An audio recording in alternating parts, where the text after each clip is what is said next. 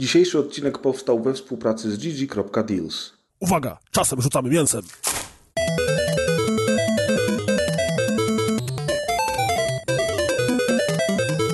Oto rozgrywka 283 poszło dzisiaj, jak zawsze, od zawsze, w tym samym składzie na mikrofonach. Deusz, Jestem. Razer Jestem. i Perez. Przechodzimy, moi drodzy, do działu newsów.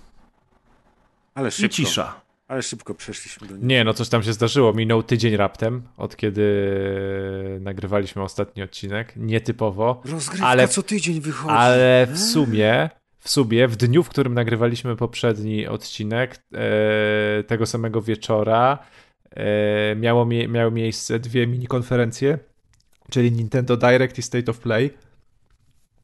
Jeśli chodzi o Nintendo Direct, to mógłbym się wykazać bardzo dużą niekompetencją i w sumie nie pamiętam z Nintendo Direct nic oprócz e, zapowiedzi Tomb Raider Remastered e, pierwszej, drugiej i trzeciej części e, która tak naprawdę, chyba premierę, tak? Ta zapowiedź miała na Nintendo Direct, natomiast sam ten remaster wychodzi również nie tylko na sprzęty, na sprzęty Nintendo. Mm. Nie wiem, wy jesteście pewnie, wy jesteście tacy sta, starzy jesteście ludzie, co się starzy. pewnie jarali, że Lara, Lara Croft to jest taka Lala. ładna i w ogóle. Lala Croft. Lala Croft. Znaczy, wiesz co, wszystko fajnie, ja się cieszę oczywiście. Ja zawsze powtarzam już od jakiegoś czasu, że dla mnie to mogą robić tylko i wyłącznie remastery i remake'i już. Tyle gier wyszło, odkąd powstały gry komputerowe, że teraz mogą tylko je powielać w kółko. Natomiast y, wszystko fajnie, ale z tym sterowaniem Dokładnie, oryginalnym to dokładnie. może być mały problem, co? To jest, to jest coś, co ludzie, którzy wracają do Tomb Raidera, nie tylko, że tam go obejrzą na YouTubie albo obejrzą pana, który w Sylwestra gra w Tomb Raider, to, to wiedzą, że to sterowanie jest masakryczne i jest tak y, nawet nie oldschoolowe, tylko po prostu no nie, nieprzystępne. Oni wtedy jeszcze nie, nie, nie było wtedy jeszcze takich powiedzmy systemów animacji płynnej i tak dalej, tylko ta Lara skakała niczym pionki po szachownicy trochę. I, I to jest tak niewygodne i nieintuicyjne sterowanie, a z drugiej strony cała gra jest na tym oparta, ponieważ ona się, po- powiedzmy, te, te poziomy są zbudowane z takich klocków, nie wiem, tam powiedzmy półtora metra na półtora metra i to pasuje do tego systemu, którym się Larą steruje, a jeśli powiedzmy miałaby takie płynne poruszanie się jak w nowych częściach, to wydaje mi się, że ta gra byłaby o wiele prostsza, bo te różne skoki, które kiedyś trzeba było stopkami odmierzać, teraz byłyby o wiele prostsze, więc to jest takie, wydaje mi się, że zostawią oryginalne sterowanie, ale to będzie zderzenie jak ze ścianą dla tych, którzy albo nigdy nie grali i sobie myślą, o, pierwszy Tomb Raider, zobaczę, co to było, albo dla tych, którzy kiedyś grali, ale już zapomnieli, jak to było, bo ja jeszcze tam, nie wiem, na moim PSX-ie parę lat temu w Sylwestra sobie, oczywiście w Sylwestra sobie przypominałem Tomb Raidera, no to kurde, trochę masakra jest to sterowanie. Myślę, że nawet gorsze niż w starych Rezydentach, które ludzie wspominają, że o, czołgowe Myślicie, że, sterowanie o, z myśl, Rezydentów. myślicie, że osoby, które się tak cieszą, już nie pamiętają tego sterowania?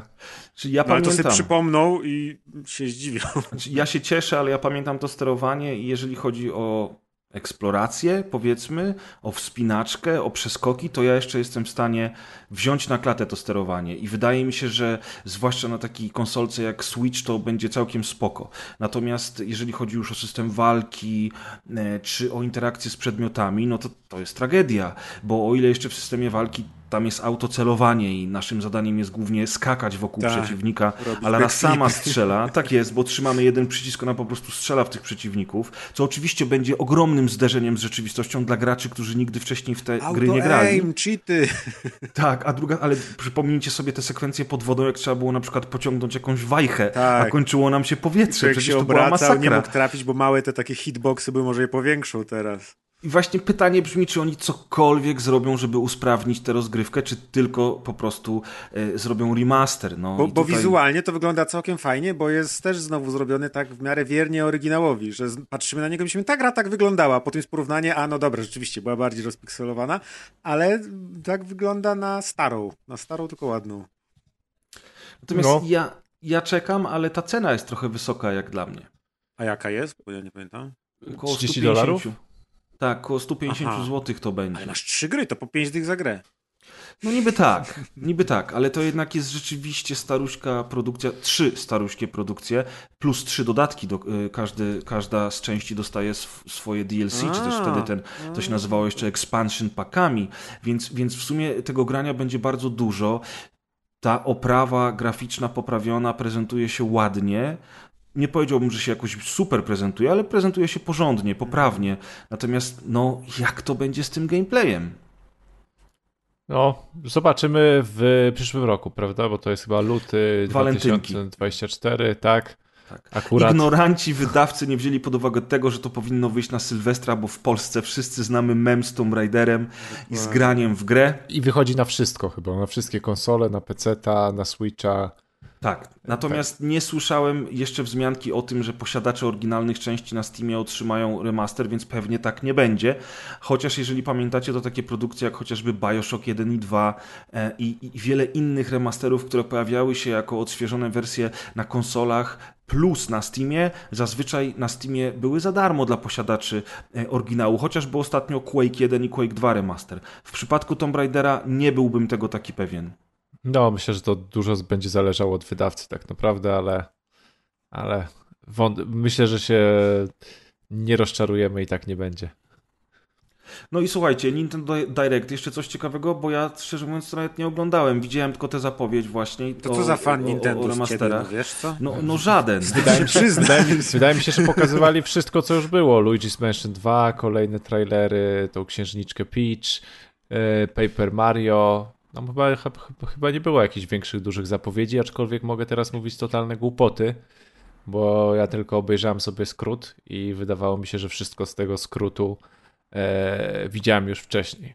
Natomiast no, ona była mocno ukierunkowana jednak na, e, no jak to Nintendo Direct, na ich gry i ich zamknięty, zamknięty system. Natomiast drugą konferencją była konferencja, konferencja e, mini konferencja e, Sony State of Play, która w sumie była tak naprawdę e, zlepkiem trailerów i trailero game, gameplayów, takim kilkunastominutowym.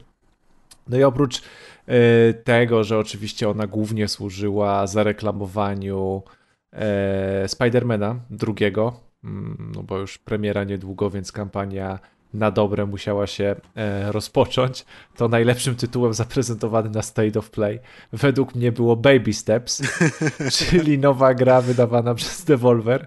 I Baby Steps to jest symulator chodzenia, natomiast to jest symulator chodzenia w dosłownym słow e, tego słowa znaczeniu, czyli to jest dosłownie gra, która polega na tym, że jest, e, że w niej się chodzi, gdzie mamy fizykę chodzenia, tak? E, jak rozumiem, po prostu e, tam się steruje pojedynczo nogami. Każdą i stopą, tak. Przemierzamy e, i chodzimy w dziczy naszym bohaterem, i tak naprawdę z gameplayu widać, że w ogóle jakaś głupia pat, głupi patyk czy podejście pod kątem może być wyzwaniem dla, dla, naszego, dla naszego bohatera, więc absolutnie porąbany tytuł. To tą grę pierwszy raz na nie E3 pokazywali chyba, bo pamiętam, tak, że miała tak. bardzo śmieszny zwiastun taki.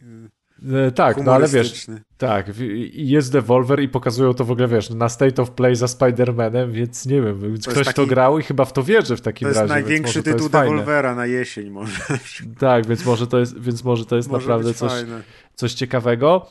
I druga rzecz, jaka mnie uderzyła, to jest fakt, że no, PlayStation, przypominam, ma tego swojego PSVR 2, i w sumie jeśli chodzi o PSVR 2, to zapowiedziano, że Resident Evil 4 będzie w VR-ze. I chyba w sumie tyle. Więc yy, trochę yy, trochę niedużo, jeśli chodzi o gry VR-owe i o ten ich y, VR. Kolejny Resident do VR-a, yy, ale więcej to za bardzo się w tym temacie u Sony y, nie dzieje jako, jako gry ich studia, y, ekskluzywy, nie wiem, jakaś taka promocja tego, tego VR-a, no, no nie bardzo. I to jest Widać, zaskakujące. Coś się rozwija. To jest zaskakujące, bo to jest naprawdę dobry sprzęt. E, I te tytuły, które miałem okazję ogrywać, wy zresztą też, wyglądały naprawdę porządnie. E, Resident Evil 8 na VR, Gran Turismo na VR, czy ta gra dedykowana pod VR, y, Horizon Zero Dawn, coś tam, coś tam. No, są piękne gry. I teraz czwórka na pewno też będzie świetnie wyglądać i na pewno będzie odpowiednio przerobiona pod, pod wymogi VR-u, ale rzeczywiście tych tytułów jest niezwykle mało. A tak, jeszcze w ostatnich wstecznej... dniach Ghostbustersów zapowiedzieli, ale yy, nie wiem, na trailerze wyglądają dość mocno średnio. Ale nikogo. Yy, tak, i, Yy, I w sumie, no taki tytuł, który na VR, jakbyś, jakbym wam powiedział, no, że Ghostbusters w sumie gameplayowo mógłby się sprawdzić. No, Łapanie dobrze, duszków no. i utrzymywanie tych wszystkich broni. Natomiast nie wiem, w ruchu jakoś tak bardzo mm, wyglądał trochę tak jakby jakby artystycznie nie było pomysłu na tą grę, zresztą możecie sobie obejrzeć, bo jest, bo jest dostępny, to się nazywa Ghostbusters Rise of the e, Ghost Lord e, i to będzie też ekskluzyw na, na, na, na PSVR 2. E, no ale mówię, oprócz tego więcej, więcej nic się za bardzo w obozie Sony tym VR-owym nie dzieje. Faktycznie trudno. te Ghostbustersy słabo wyglądają, jakiś taki komiksowy styl. No tak Czapki z artystycznie uszkami, zawodzą. y, zwierzątek i coś. Mm, Mało Ghostbusters, z Ghostbusterowo tak tak, naprawdę. no, no. Tylko te proton paki w sumie pozwalają poznać, że to Ghostbusters, a cała reszta Tak. wygląda jak jakieś takie multi strzelanki free to play. Trochę, trochę jakby drugi garnitur ludzi z Telltale chciał zrobić grę o Ghostbusters, bo No może, taka stylizowana graficzny- grafika, no tak. Tak, tak, tak, trochę w stylu Telltale i postacie też w stylu Telltale, ale no mimo wszystko sam fakt tego, że nawet ja wam musiałem o tej grze powiedzieć, bo, bo o czym wcześniej nie widzieliście, to No tak, tak. o czym świadczy, że to nie będzie duży VR-owy tytuł od Sony na dobrej marce. A, a to jest marka, która dla takich pierdzieli jak wy starych, to, te, to też jest to też jest coś. Co więc- pamiętają Tomb Raidera, no. No, Z także kolei Xbox też się chyba nie popisał, bo ogłosili jakiś nowy sprzęt, który zamierzają wypuścić jako wznowienie Series X, które poza tym, że będzie miało nowy design obudowy i nowego pada i nie będzie miało żadnego napędu, to w ogóle nic nie zmienia w bebechach. Więc ja się zastanawiam, po co ten sprzęt. Może rewizja, wiesz, hardware'owo się różni, mają tańsze podzespoły, nowe fabryki. Taka, taka naturalna progresja, więc postanowili trochę zmodyfikować sprzęt i już mają kolejne niby do kolekcji. No tak, tylko kto, kto posiada Albo żeby Series wkurzyć X, pudełkowców. Tak, albo żeby wkurzyć pudełkowców, tylko po to, wiesz, zrobili sprzęt, Tylko który już po to. totalnie wychodzi bez napędu. Nie wiem, e, też niedużo o tym czytałem, ale, ale rzeczywiście nie wygląda to jakoś atrakcyjnie, no bo jeżeli ktoś posiada już Series X, to czemu miałby brać kolejną taką samą konsolę tylko dlatego, że jest inny design obudowy? No bo to jest dla ludzi, którzy jeszcze nie posiadają. No właśnie. Chyba, Aby że... chcieli. Jacyś tacy na świecie jeszcze na pewno są. No, i to, i to nie mało. A Zwłaszcza po co patrząc- kolejne iPhony wychodzą?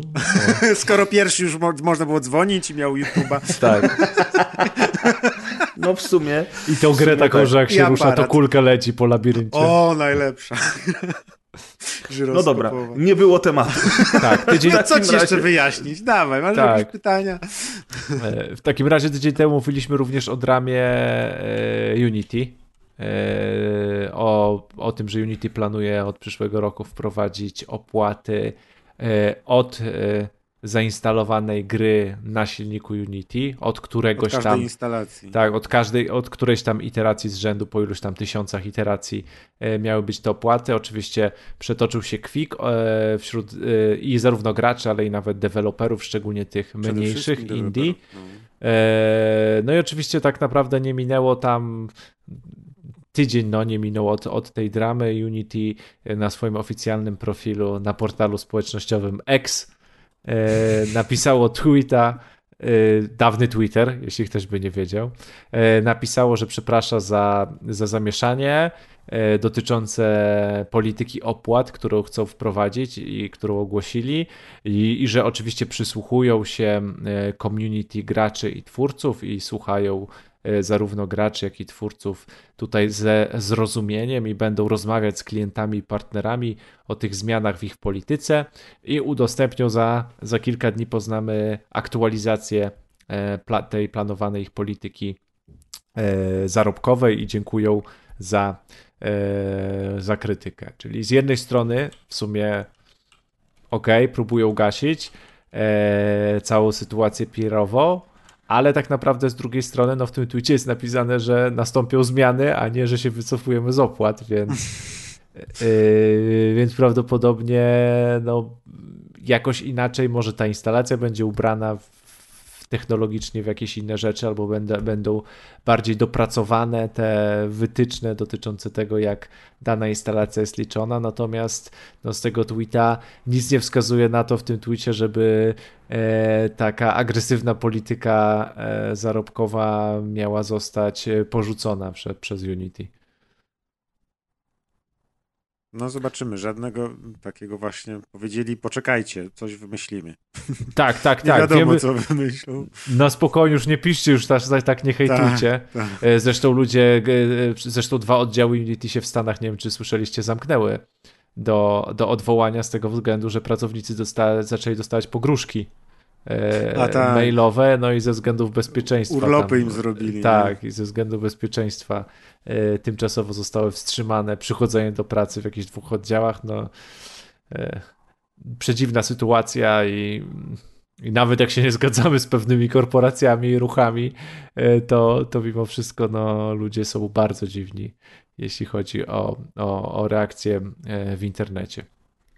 Kolejny dziwny news, ale to jest news, który zainteresować powinien preza i powinien tu, wydaje mi się, prez wpisać na rozpiskę, a wpisałem ja, czyli Titanfall 2. Dostał patcha. Dostał patcha naprawiającego tryb multiplayer. Czyli e... nie tyle naprawiającego tryb multiplayer, co usprawniającego matchmaking. Usprawniającego matchmaking, ale nie tylko. Usprawniającego część trybów, e, usprawniającego tam przesył danych i w ogóle to, że e, nawet nie tylko sam matchmaking został poprawiony, ale wiele innych rzeczy w ogóle w kodzie sieciowym zostało poprawionych. E, I w ten weekend e, na Steamie tam ponad 20 tysięcy osób grało w Titanfalla drugiego. I nawet widziałem gdzieś tam na Reddicie też się E, też się grono graczy z powrotem e, skrzykuje na, na, na Titanfalla drugiego i sobie poczytałem komentarze, bo sam nie sprawdziłem, że rzeczywiście wszystko działa elegancko, bez problemów, e, bardzo dobre pingi, bardzo łatwo znaleźć mecz, dużo osób gra, wszystko pięknie działa i, i, nic, tylko, nic tylko wracać i grać. Że rzeczywiście to jest patch, który naprawdę te wszystkie rzeczy poprawił. Znaczy, gdybyśmy się cofnęli o te 7 lat wstecz, to pewnie byś sobie przypomniał, że ja nie do końca byłem zachwycony Titanfallem 2. Miałem jakieś tam swoje uwagi do kampanii przede wszystkim. E, zresztą takie dosyć e, sprzeczne z tym, co mówili wszyscy inni. Ja, ja, ja troszeczkę narzekałem, natomiast no, multiplayer był oczywiście udany. Ja nigdy nie byłem jakoś bardzo wciągnięty w tego multiplayera, ale jak już próbowałem spędzić więcej czasu z, z grą online po, po jakimś czasie od premiery, to właśnie te problemy z matchmakingiem były ogromne. Ja, ja gra, na PC to praktycznie nie wyszukiwało meczy. Pamiętam, że kupiłem później po, po taniości wersję na Xboxa i tam też w sumie nie było zbyt kolorowo, jeżeli chodziło o multiplayer, bo właśnie tam było strasznie dużo trybów, różne mm, rzeczy do ustawienia, przez co wyszukiwanie trwało w nieskończoność albo nie wyszukiwało wcale i generalnie rzecz biorąc odpuściłem. Ale teraz y, wrócę do tego tematu, bo ja pamiętam, że to multi i ta kooperacja to były naprawdę, naprawdę fajne rzeczy.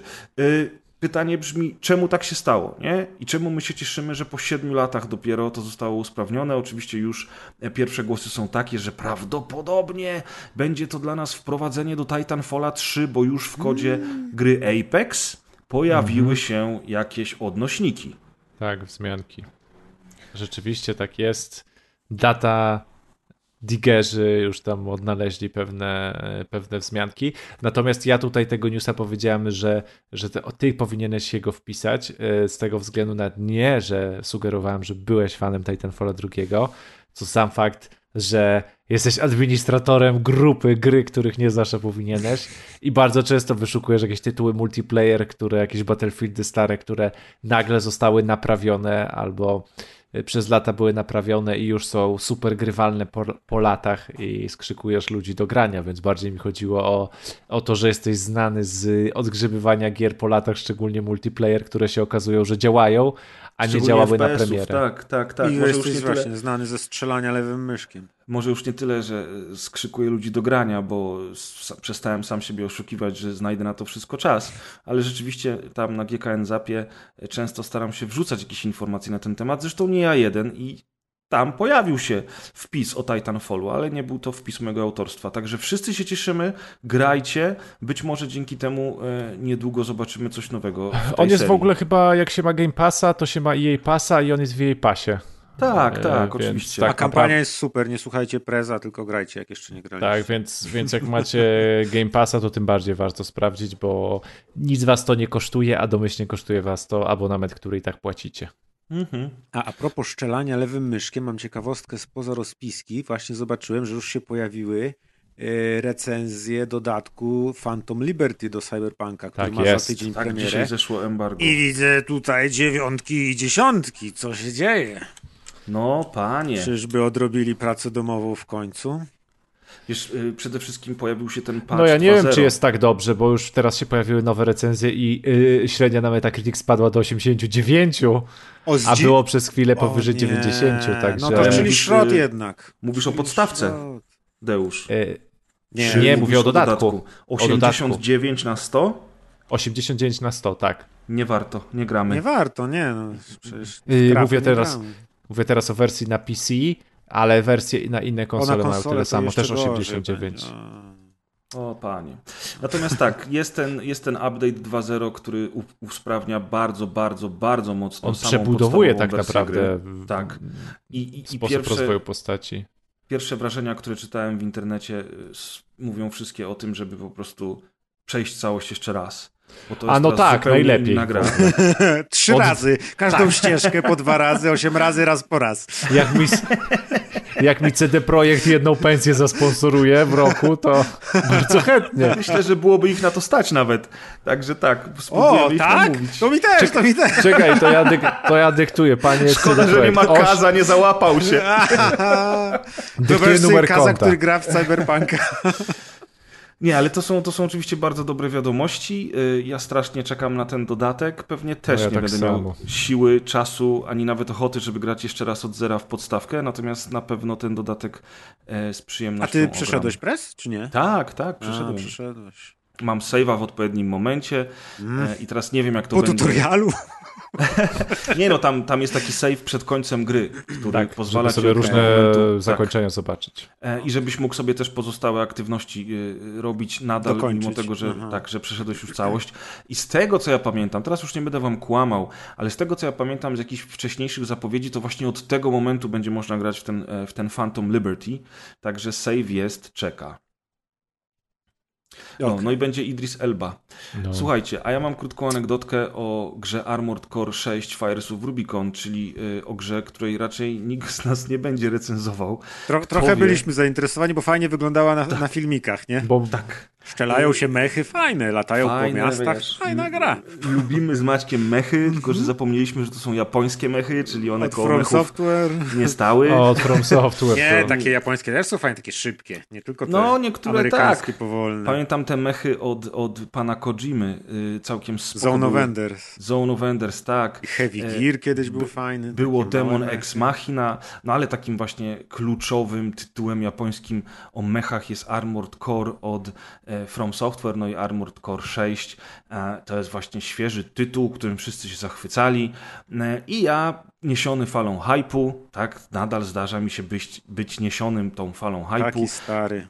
Przetestowałem wersję PC po Femszerze i okazało się, że e, jest spoko, wygląda bardzo ładnie, ale coś tam mi nie do końca te klatki pasowały i w sumie to stwierdziłem, że tak ostatnio ciągle na tym PC i PC, bo nowa karta graficzna, a może to bym jednak zagrał na telewizorze z kanapy e, e, na konsoli po Jak prostu. I- zwierzę. Jak zwierzę, dokładnie. Jakoś tak zatęskniłem za tymi czasami. I, i, i, generalnie rzecz biorąc, y, zerknąłem e, sobie do serwisu Metacritic i okazało się, że wersja PlayStation 5 ma o kilka oczek wyższą ocenę od wersji Xbox, w związku z czym drogą kupna za 299 zł nabyłem grę Armored Core 6 Fires of Rubicon na PlayStation 5 cyfrowo. I tak, kochani fani pudełek, tutaj punkt dla was. Zaraz zrozumiecie dlaczego. Zaraz zrozumiecie dlaczego. Otóż Otóż e, ja też oczywiście czytałem, że to jest 60 klatek w 4K i ta gra wygląda pięknie na konsolach. Gówno, prawda? Nie wygląda pięknie i żeby miała to 60 klatek, musi mieć taką ilość motion blera, że on zasłania 3 czwarte ekranu. Jak tym robotem gdzieś lecimy, skaczemy, jak dużo się dzieje, to po prostu cały ekran jest rozmazany. E, ja oczywiście rozumiem, czemu tak jest, natomiast niestety tej opcji wyłączyć się nie da, chociaż na PC można było tę opcję wyłączyć. No i ogólnie rzecz biorąc na tym padzie, a nie na myszce i klawiaturze, i z tą taką grafiką, która nie do końca mi odpowiada, bo ja nawet nie jestem pewien, czy to jest 60 klatek takie na pewno 60 klatek, no, ale ogólnie chodzi o to, że komfort zgrania y, y, z wersji konsolowej z tym okropnym blurem, który naprawdę przesłania 3 czwarte ekranu w większości sytuacji, spowodował, że stwierdziłem, że no dobra, sprawdziłem, ale nie chcę w to grać, nie na pewno w takiej jakości. Zresztą mogłem był po prostu pobawić się opcjami PC, kupić wersję na Steamie za 250 zł, a nie za 300. No ale już trudno, mówię, przecież oddam. Oddawałem tyle razy gry e, w cyfrze, że, że to powinno być e, standardem, prawda? No i no nie jest to standardem, bo PlayStation. Y, w związku z czym, jak zgłosi, zgłosiłem sprawę polskiemu oddziałowi PlayStation, to dostałem informację o tym, że bardzo nam przykro, dziękujemy za skontaktowanie się z, ale czy możesz przeinstalować, e, czy, czy, czy, czy inni użytkownicy mają też te problemy, czy to jest z jedną grą, czy z materiałem DLC, czy z czymś tam, którego urządzenia używasz, czy to jest PS4, czy PS5. Wiecie o co chodzi. E, podstawowe wszystkie te pytania, które oni muszą zadać. No i ja napisałem, że mam najnowszą wersję systemu, najnowszą wersję gry i tak dalej, i tak dalej, że problemem jest tutaj dla mnie wydajność i jakość obrazu, które pozostawiają wiele do życzenia. No i przy innych produkcjach na tej samej konsoli nie mam problemów, a tutaj wyraźnie jakość oprawy, zbyt duży motion blur, którego nie da się wyłączyć i responsywność pada, pozostawiają wiele do życzenia, przez co ogólnie wrażenia płynące z zabawy są dalekie od pożądanych. I teraz jak oddajesz grę na Steamie, to masz... Yy, dwa tygodnie na to i jeżeli grałeś mniej niż dwie godziny, to, to jesteś w stanie ją po prostu oddać od tak. Na Gogu podobnie, na Xboxie jest podobnie, a to dlatego, że tak wyglądają zasady sklepu cyfrowego i tam można wybrać, kupiłem grę przypadkiem albo nie jestem zadowolony z tego, jak gra działa. Natomiast albo przeszedłem, tu... bo była na dwie godziny. Tak, tak, albo. E, natomiast tutaj w ogóle e, takiej opcji nie ma, w związku z czym jak, jak, jak wysłałem swojego drugiego maila, to dostałem informację o krokach, których powinienem wykonać, żeby oni rozważyli w ogóle zwrot pieniędzy. Aha, no i najważniejsze jest e, w zasadach PlayStation, jeżeli grę streamowałeś, no to powiedzmy, że, że to rozumiem, lub uwaga, uwaga, pobrałeś na dysk, to już nie przysługuje ci zwrot pieniędzy. Ja hmm. sobie myślę, ale to znaczy, że co? Znaczy, że ja mogę kupić tę grę w sklepie, dodać ją do biblioteki, ale tylko i wyłącznie wtedy się rozmyślić przed w ogóle uruchomieniem produkcji i wtedy oni mi zwrócą pieniądze. Tak, ale jeżeli ja ją pobrałem na dysk, nie musiałem jej nawet uruchomić. Jeżeli pobrałem ją na dysk, to już nie mogę jej oddać. To jest tak, jakbyś no. zerwał folię z opakowania i już wtedy nie możesz oddać. Nawet jeszcze tak. pudełka nie otworzyłeś, ale folii już nie ma. Tak, tak. No i, no i szok. Ale mówię, dobra, nie daję za wygraną. Trzeba spróbować. No i pierwsza, w tym, w tym, w tym drugim mailu już e, e, pierwszy, pierwszy krok, który sugeruje PlayStation brzmi ponownie zainstaluj grę za pomocą innego połączenia internetowego. To znaczy, że ja teraz mam wziąć PlayStation i iść do sąsiadki. Albo, jech, albo jechać do was. I tam no podłączyć sobie grę do internetu i ściągać ją jeszcze raz, żeby się upewnić, że to na pewno nie jest kwestia mojego połączenia internetowego. Nieważne, że wszystkie inne gry na PlayStation 5 działają bez problemu. Ale to coś, ściąg- masz taki zły internet, że ściągnąłeś grę, która ma motion blera i mało tak, tak, klatek. nie można i nie można I wyłączyć internet. motion blera. Tak, to, to jest mojego internetu. internetu jest, no. e, wiesz, tam było oczywiście e, wymień, w, w, przeinstaluj, przeinstaluj system, odbuduj bazę danych, w ogóle Sprawdź wiesz. zasilać na czarnej liście. Tak, tak, tak. Jest to, jest to lista po prostu takich absurdów, że to ręce opadają. No, punkt pierwszy już w ogóle Włącz i wyłącz. Tak, ponownie zainstaluj grę za pomocą innego połączenia internetowego. W ogóle fakt, że musimy przeprowadzać taką dyskusję mailową, to już jest coś nie tak. No ale okej. Okay. No i minęło kilka dni i ja odpisuję im, że wykonałem te wszystkie czynności. Jakość obrazu i płynność gry nadal pozostają niezmienne. Niemożliwe. Wiesz, oczywiście, że tych czynności nie, nie, nie, wykonałem, bo nie będę brał teraz konsoli pod pachę i szedł do sąsiada, albo kurczę, reinstalował całego systemu, bo oni doskonale wiedzą przecież, że to nie jest problem techniczny na takiej zasadzie, że coś nie działa i na przykład gra się nie uruchamia. Tylko to jest zupełnie inna kwestia, którą wytłumaczyłem im jasno i wyraźnie. No i jak napisałem, że wykonałem te wszystkie czynności, to dostałem e, po jakimś czasie odpowiedź, że dziękujemy za skontaktowanie się, bla, bla, bla. Przykro nam, że doświadczasz trudności z grą. I tutaj po prostu był szach i mat. Wygrali ze mną, bo napisali, że, żeby oni mogli ocenić e, czy gra Armored Core 6 działa poprawnie e, na mojej konsoli. Wiadomo, że oni ocenią, że ona działa poprawnie, to muszę na wykonać nagranie gameplayu z gry, następnie załadować ten gameplay na portal YouTube i przesłać im link do tego filmiku. No nie wierzę. Wyobrażasz sobie? Wyobrażasz sobie? To, to im pozwoli na zapoznanie się z problemem moim. Rozumiesz? Czy no na pewno im się pozwoli zapoznać z problemem. motion blur jak motion blur, ale jakie ma pan bloki kompresji na tym tele, na tym telewizorze pana? Ja uważam, że powinieneś jeszcze obok telewizora postawić dzisiejszą gazetę. Ja myślę, że powinieneś to, powinieneś to nagrać, ale wziąć opcję, że tylko jest w 140p i takiej mu udostępnić. I najlepiej, jakbyś jeszcze wynajął ten do kalibracji obrazu, do kolorów, żeby nie było. Tak. Poza tym wiesz, no, jak ja mam im nie, Jeszcze na jest... telewizorze, żeby nie było, że coś edytujesz obraz, to tego, zegar światowy najlepiej. No i telewizor CRT 14 cali, monochrom. To, to, to, to, po prostu wybiło mi wszelkie argumenty z, z ręki, Ale szachmat. Wiesz, już po prostu nawet stwierdziłem, że nie chce mi się dalej tego cisnąć. Już pal licho te 300 zł. Oczywiście, że jestem wściekły i więcej nie kupię żadnej gry cyfrowo na PlayStation 5. Po prostu tego nie zrobię bo, bo, bo to podejście jest Masz, absurdalne. Podobno Nintendo Switch też nie zwraca kopii cyfrowych, ale e, to oznacza, to, to oznacza, że to jest spoko? Że, że dwa z co najmniej pięciu czy sześciu serwisów cyfrowych, które znam i używam, nie, zwra nie zwracają pieniędzy w żaden sposób? To znaczy, że to jest w porządku, tak? Bo to nie tylko PlayStation, ale Switch też, czy tam Nintendo też. No nie wiem, dla mnie to jest po prostu porąbane. Zwłaszcza jak człowiek od lat przyzwyczajony jest do tego, że na takim Steamie chociażby może grę zwrócić. I to jest fair wobec klienta, zwłaszcza jak nie ma wersji demonstracyjnych. No a tak zostałem z japońskimi robotami e, na konsoli, a trzy stówy zostały z PlayStation. Dziękuję za uwagę. Wiesz, po prostu nagraj nam filmik i wrzuć na YouTube'a. A czemu a klient PlayStation ocenił. Tak, ocenią na w, w 720p, tak jak mówisz. I czemu, I czemu w ogóle klient PlayStation jest zobowiązany do posiadania konta na YouTube? Do, zgłasza, do, zwracania gier jest potrzebne konto. Na, co jest potrzebne do zwracania gier na PlayStation? Konto na YouTube. Konto na YouTube. Dobry, dobry graber, żeby ściągnąć obraz. Kalibrator monitora. No, po prostu paranoja, nie? Ja wiem, że w komentarzach pojawi się dużo głosów na temat tego, że przecież nigdy nie, nie można było oddawać gier y, na PlayStation. Tak, będziecie mieli rację. Tak, to jest moja wina, że o tym nie wiedziałem, ale to jest po prostu absurdalne, no i tyle. I będą komentarze, że nie powinieneś w ogóle oddawać gier od From Software, bo to są tak dobre gry, że ich się nie oddaje po prostu. Tylko się w nie gra.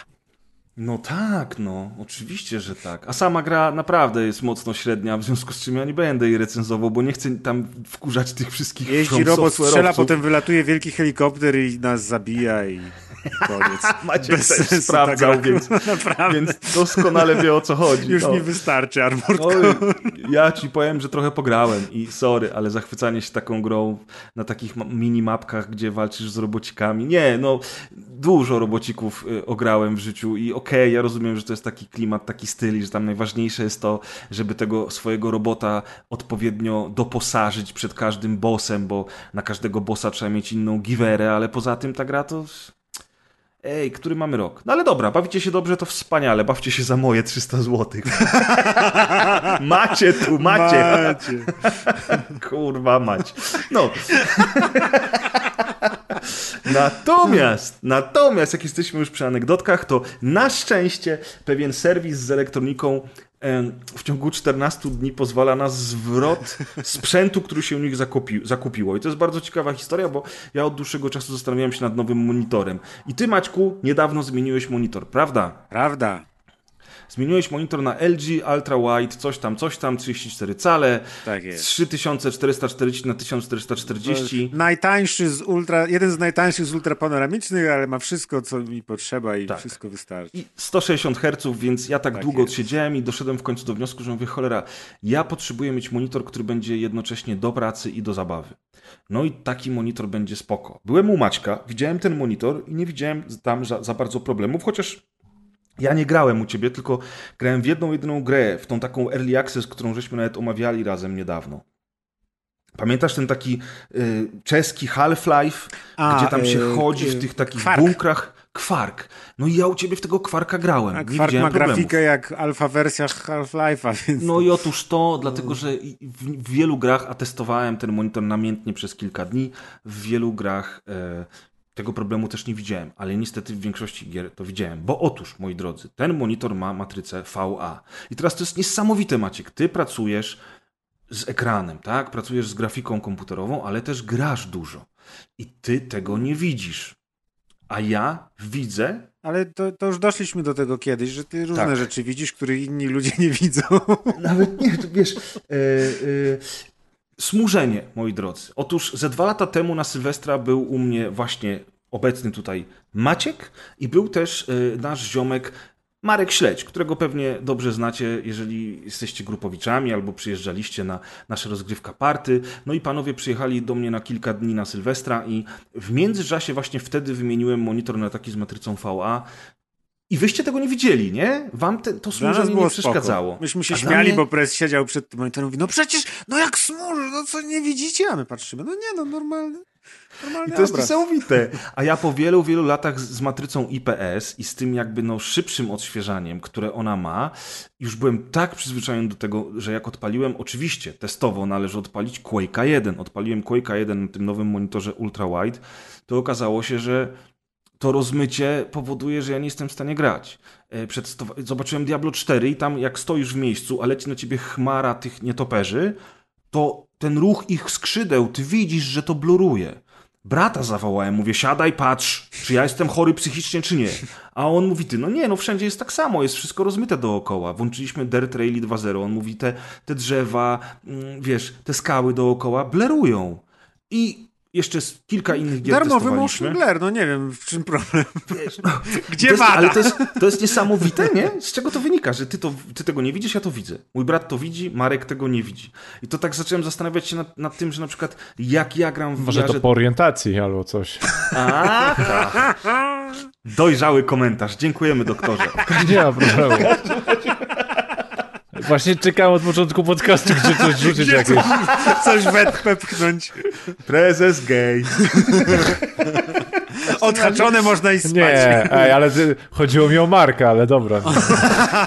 Marek Ej, jest ej. Maciek. Ej, No i co, fajnie, fajnie Maćku. Zaraz, zaraz. W każdym razie, w każdym razie niestety no nie dało rady. Zresztą z- właśnie z rzeczonym Markiem Śledziem zagraliśmy sobie w niedzielę wieczorem trzy misje w Quake'u 2.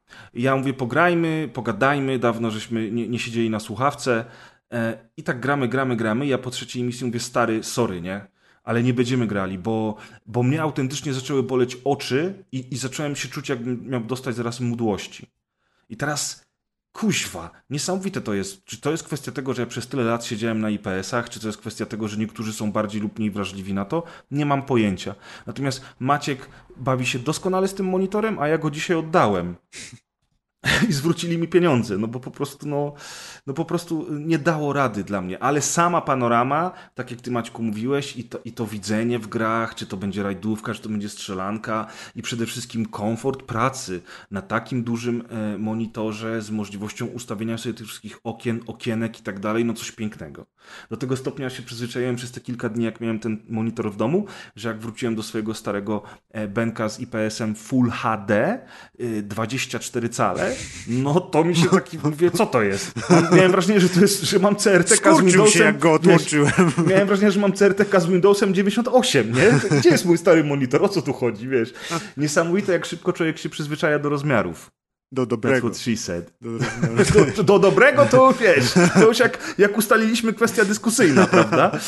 Yy, dlatego właśnie ja oddałem ten monitor i, i na razie się wstrzymałem, ale, ale jest to ciekawe, słuchajcie, drodzy słuchacze, napiszcie nam w komentarzach, jak wy, to, jak wy macie, czy wy widzicie takie rzeczy, czy nie, czy wy widzicie, widzicie różnicę między VA a IPS-em. No bo jak powiecie mi, że nie widzicie różnicy między OLEDem, a, a na przykład IPS-em czy VA, no to już wam nie uwierzę, nie? Ale ale jestem ciekaw, jak, tam wasze doświadczenia i, i, tym, tym bardziej na przykład teraz jestem w stanie uwierzyć ludziom, którzy nie, znaczy uwierzyć, ja im wtedy już wierzyłem, tylko po prostu nie byłem w stanie sobie tego wyobrazić, jak ludzie pisali w komentarzach a propos frame generation e, i tego, że przy okazji tej technologii e, ten input lag jest dla nich tak ogromny, że nie są w stanie grać. A ja mówiłem, słuchajcie, no ale ja też zwracam uwagę na laga, na płynność działania i tak dalej. No i, no i rzeczywiście niedawno w Starfieldzie przy tym zmodowanym Frame Generation ja widziałem lekki lag, ale w większości gier go nie widziałem. A tam paru komentujących bardzo mocno mm, uzewnętrzniało się na temat tego, że Frame Generation powoduje, że to w ogóle nie jest granie dla nich. No nie, a już w strzelankę to już w ogóle nie. No i ja tak mówiłem, no Jestem w stanie uwierzyć w to, że ludzie są bardzo wymagający, ale czy oni troszeczkę nie przesadzają? Natomiast teraz, po, po tej przygodzie, drugi raz po przygodzie z monitorem VA i drugi raz jest to przygoda związana z Maćkiem i z Markiem, wyobraźcie sobie, więc zatoczyliśmy pełne koło. E, Jestem w stanie uwierzyć, że są różni ludzie i mają różne doświadczenia. A pres Taka. niezmiennie widzi rzeczy, których inni nie widzą. I do tego jest pedałem. No i tak to, moi drodzy, właśnie tak moi I jak drodzy, ktoś to ma wygląda. pożyczyć jeszcze trzystówki,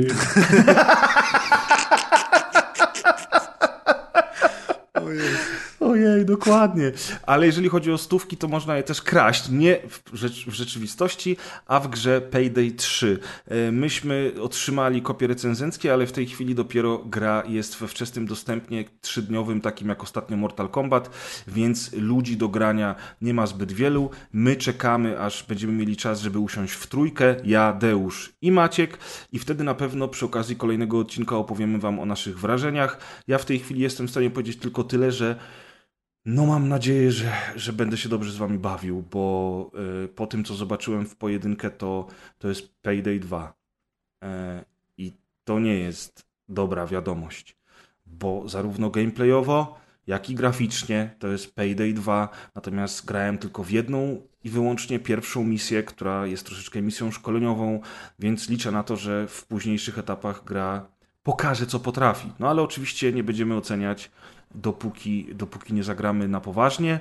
No i drugi taki tytuł, który do nas trafił, e, to jest Witchfire w Early Accessie. E, Nie mieliśmy z Maćkiem czasu za bardzo e, w niego zagrać, bo on dzisiaj się pojawił dopiero.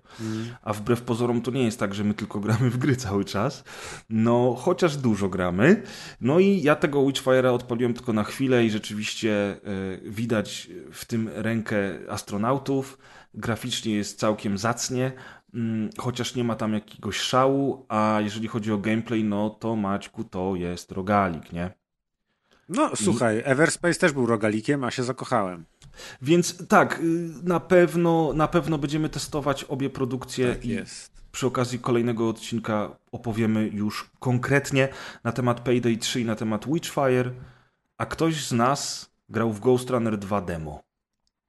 Yy, Ja sobie zainstalowałem, bo nie wiem, czy wiecie, ale, yy, ale jest demo Ghost Runnera 2 i oczywiście ja wiem, że wydaje mi się, że chyba Maciek, ty grałeś, tak? W pierwszego Grałem w demo. Właśnie się śmieję, że ty jesteś największym wymiataczem w trudne gry w naszej ekipie, dlatego ty grałeś w Ghost Runnera 2. I nie wiem, czy pamię- nie wiem, czy pamiętacie, ale mi się Ghost Runner, jak y, mieliśmy recenzję, mi się bardzo podobał, w sensie ja w niego nie grałem, ale mi się podobał, ale wiedziałem, że nie dam rady w niego No, grać. miałem tak samo, tak jest. I, I mimo, że próbowałem, to nie dałem rady, ale pomyślałem, że jak jest demo, to mogę sprawdzić, zobaczyć jak wygląda i nie dam rady grać w demo, ale przynajmniej zobaczę jak wygląda i e, jak e, się e, rusza. I po tym demie mogę powiedzieć tyle, że jeszcze bardziej żałuję, że nie potrafię w to grać, O. bo po prostu to jak ta gra wygląda i jaki ma klimat, to jest niesamowite. No ja tak bardzo bym chciał w to potrafić grać, albo tak bardzo bym chciał mieć inną grę, która tak wygląda, ma taki styl graficzny, ale nie wiem, jeszcze czymś innym, nie wiem, FPS-em, cokolwiek, jakąś inną, Aha. jakąś inną ludzką grą, bo muzyka, stylistyka, e, klimat tego cyberpunka, taki już bardzo specyficzny, niegeneryczny i, e, i to, jak to jest jakościowo wszystko wykonane, jakie jest oświetlenie e, i, i, i i całe, cała oprawa wi- audiowizualna, jak wygląda i jak się łączy ze sobą, jak to pasuje, no czapki z głów, naprawdę. To jeden z najlepiej wyglądających, na pewno, jedna z najlepiej wyglądających gier cyberpunkowych, e, która zresztą ma premierę jakoś demo wyszło teraz, także możecie wszyscy sprawdzić demo. E, Ono nie ma jakiegoś limitu czasowego. Gra wychodzi pod koniec e, października, więc demo może każdy sprawdzić. Możecie zobaczyć, czy to jest gra dla Was, czy to nie jest gra dla Was. Ale no, chciałem tutaj zareklamować ewidentnie tego Ghost Runnera 2, bo mimo, że nie potrafię w niego grać i pewnie nie zagram, to e, to jeśli są gracze, którzy potrafią, to trzeba przypomnieć o tym tytule, bo, bo wygląda niesamowicie. A czy to samo studio robi dwójkę? Tak, Właśnie tak, One More. Level. Też One More Level, dokładnie Mhm, to chciałem tak. sprawdzić. Właśnie To jest zobaczyłem. polskie studio i pamiętam, że ja też Z Krakowa. właśnie przy okazji jedynki miałem problem z tą grą, bo ona po prostu była dla mnie zbyt trudna, ale to wszystko, o czym mówi Deusz w przypadku dema dwójki, to ja się podpisuję rękoma i nogami pod pierwszą częścią gry. Faktycznie przepięknie wygląda, ciekawy pomysł, mega klimat, no ale rzeczywiście ja też sobie darowałem, dlatego że to po prostu e, było dla mnie zbyt wymagające. Natomiast Ale ta gra... jesteśmy cieniasy, Maciek, potrzebujemy... mógłbyś po sąsiedzku powiedzieć, żeby wy, wy, ten, wykorzystali te asety do jakiejś innej gry. Teraz niech zrobią tak. przygodówkę point and click. nie? Jakiś spin-off. To- O, przygodówkę point and click, tego no, 3D. takiego Blade Runnera, tylko w takiej, takiej grafice. No. Albo chociaż Walking Simulator jakiś taki cyberpunkowy. O, to, nie? to mogliby dać Blueberrom teraz te asety i Blueberry z tego zrobią takiego tego kolejnego Obserwera na przykład. O, na przykład. Oni w ogóle strasznie dużo kopii sprzedali, jeżeli chodzi o jedynkę. To był spory sukces i tam jakieś nagrody były, więc Niezły sleeper hit. tak, więc to, to już nawet nie był taki sleeper hit of, Ale taki ostatecznie. niespodziewany, nie? Tak, tak, tak, tak. Wybuchła ta gra. Więc zobaczymy, jak to będzie z dwójką. Chociaż z drugiej strony, to wydaje mi się, że jest trochę cicho o tej grze, jak na to, że ona ma już premierę w październiku. Tak, dlatego mówię, dlatego tak naprawdę ja chciałem tutaj wspomnieć, e, chciałem tutaj wspomnieć o, mm, e, o tej grze właśnie ze względu na to, że należą się zdecydowanie twórcom e, to, żeby się jak najwięcej osób o tej grze dowiedziało, bo wydaje mi się, że na pewno będzie warto, bo już nawet po tym demie widać, że to jest jak najbardziej jakościowy tytuł. No ja już sobie ściągam demko. No Też to na spróbuję. kolejnym odcinku. Potrzebujemy jakiegoś właśnie dyskusji. ten, a propos też Armored Core i innych gier, potrzebujemy w rozgrywkowej ekipie kogoś, kto umie grać w gry, a nie jest takim cieniasem jak my wszyscy.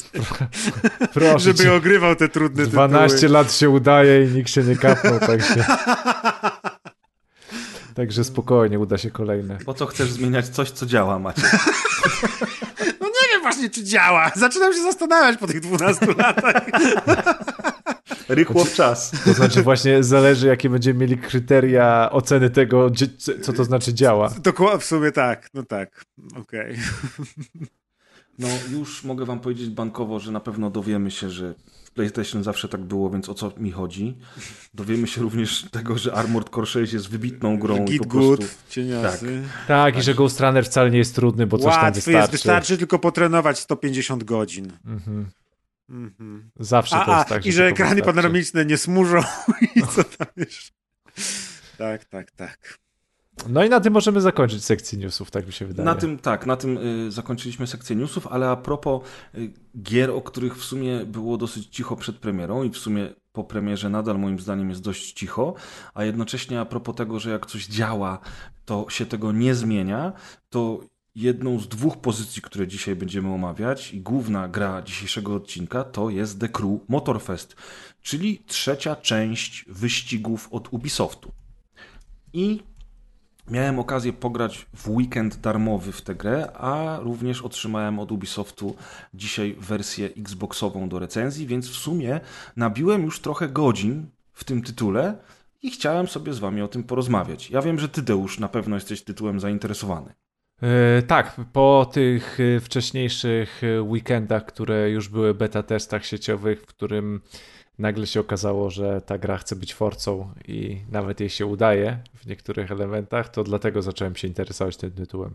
Bo jakimś fanem The Crew e, poprzednich, poprzednich The Crew nie byłem, ale tak jak mówię, jeśli skręcili w tą stronę e, forcową, to, to się zainteresowałem. I ja na pewno sprawdzę ten tytuł, no ale jeszcze, jeszcze nie zdążyłem. Czy ja nie jestem jakimś super fanem jedynki, spędziłem z nią trochę czasu, ale w dwójce już bawiłem się doskonale. Bo w dwójka to już były samoloty, prawda? Tak? To Motor- dobrze łódki, mówię? Tak, łódki. motocykle.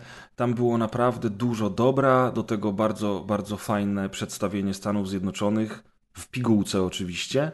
No i Ubisoft jest znany z tego, że świetnie tworzy światy gier. Czy to będzie Assassin's Creed, czy to będzie Watch Dogs, czy to będzie, czy to będzie Ghost Recon, to są zawsze pięknie odwzorowane światy, które bardzo często bazują na rzeczywistych lokacjach. I w przypadku The Crew Motorfest jest nie inaczej. Otóż dostajemy e, wyspę Hawaje do eksploracji. I tutaj już jest bardzo duży atut, dlatego że podczas eksploracji gry, podczas wyścigów, zwłaszcza tych wyścigów wprowadzających, a, ich, a jest ich naprawdę wiele, e, dowiadujemy się różnych ciekawych rzeczy.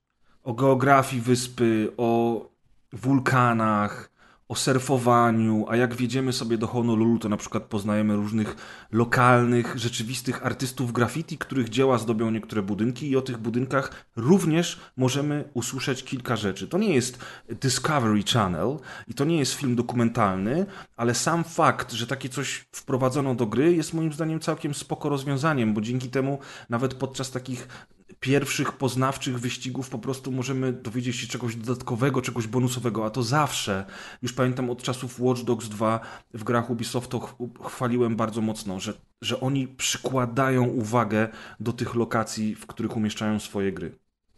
Więc mimo tego, że, że, że, że Hawaje to jest taka kolejna, wiecie, wyspa em, tropikalna, powiedzmy. Ale, a właśnie, bo to jest jedna wyspa, tak? No z tego co ja widziałem na razie, to wszystko się dzieje na tej Okej. wyspie. Dookoła są inne, ale zakładam, że albo później się na nie dostajesz, albo to będzie w dodatkach. Póki co wszystko co przejeździłem, przelatałem i przepływałem działo się na tej głównej wyspie. No i e, dużo, dużo osób pisało w internecie, widziałem, że po co mi, e, e, po co mi e, Motorfest, skoro jest taką Forcą Horizon, ale gorszą. No i ja tutaj bym się kłócił. Na pewno nie powiem, że to jest lepsze i w ogóle Forza Horizon została zdetronizowana, ale jeżeli pamiętacie, to ja miałem już przesyt tymi karnawałami, festiwalami, tymi kolor, kolorowymi e, mapkami i tymi wyścigami, gdzie Ferrari pędziło się przez pola ryżowe. A tu to wszystko jest. I to jest ciekawostka, bo to wszystko jest w tej grze. Znowuż mamy super szybkie sportowe samochody, które jadą na przełaj przez trawę, jakieś offroadowe trasy z wyskoczniami, tymi cholernymi wyskoczniami i, i jakieś zniszczalne murki i, i drzewa, które po prostu możemy ściąć, wiesz, jadąc 50 km na godzinę. To wszystko w tej grze jest. E, są kolorowe flagi, jest ten taki klimacik y, festiwalowy, zwłaszcza w tych menisach, na przykład po wygranym wyścigu możemy swojego awatara przebierać. Tylko nie wiem, może to jest kwestia tego, że minęło trochę czasu, odkąd grałem w Forza Horizon 5, e, a może to jest kwestia tego, że ja bardzo lubię te światy, które tworzy e, Ubisoft i właśnie to takie ich podejście e, lekkie z National Geographic. Nie wiem. A może to jest kwestia modelu jazdy, który jest w sumie trochę prostszy niż Forza Horizon, trochę bardziej zręcznościowy, ale też ma dużo ustawień, które pozwalają mi na to, że jestem w stanie sobie tak do, dopasować tę rozgrywkę, żeby się dobrze bawić. Cholera nie wiem, ale naprawdę dobrze się z tym y, The póki co bawię. E, I o ile męczą mnie znowu te rozwiązania z Forcy Horizon, gdzie ja muszę dojechać do jakiegoś eventu i teraz to jest najgorsze, bo powiedzmy wybieram sobie eventy, no dajmy na to y, wszystkie trasy przełajowe przez Hawaje, czyli takie poznanie Hawajów. To jest w ogóle pierwsza playlista dostępna, którą możemy sobie wybrać, ale nie musimy, bo nie musimy robić wszystkiego po kolei. No i tam, żeby dojechać do rozpoczęcia tej playlisty, musimy na przykład przejechać 10 km. No to jedziemy sobie przez tą wyspę, dojeżdżamy do tego rozpoczęcia playlisty i teraz każde rozpoczęcie playlisty, czy to będą e, samochody mm, terenowe, czy to będą motocykle, czy to będą później samochody e, takie wyścigi pro, e, typu, typu wszystkie bolidy i, i tego typu sprzęty, to za każdym razem playlista zaczyna się od tego, że my jedziemy 10 km do jakiegoś miejsca, gdzie możemy, uwaga, uwaga, obejrzeć sobie intro do tej playlisty, czyli filmik, U. który pokazuje nam taki, wiecie, miks tego, co być może znajdzie się w tej playliście. I potem z mm. tego miejsca, gdzie obejrzeliśmy to intro, musimy przejechać kilka kolejnych kilometrów, żeby zacząć dopiero pierwszy wyścig. I teraz jak Kaz by był, to by powiedział, to nie jest ściganie, ja nie po to gram w gry wyścigowe, żeby jeździć po mapie i dojeżdżać do celów. I otwarty świat na co to komu. Tak jest. Bandy tutaj... mają być w wyścigach. Oj, tutaj nie ma band, więc już w ogóle. No, to koniec. No, no i faktycznie po drodze oczywiście są wszystkie minigierki, ucieknij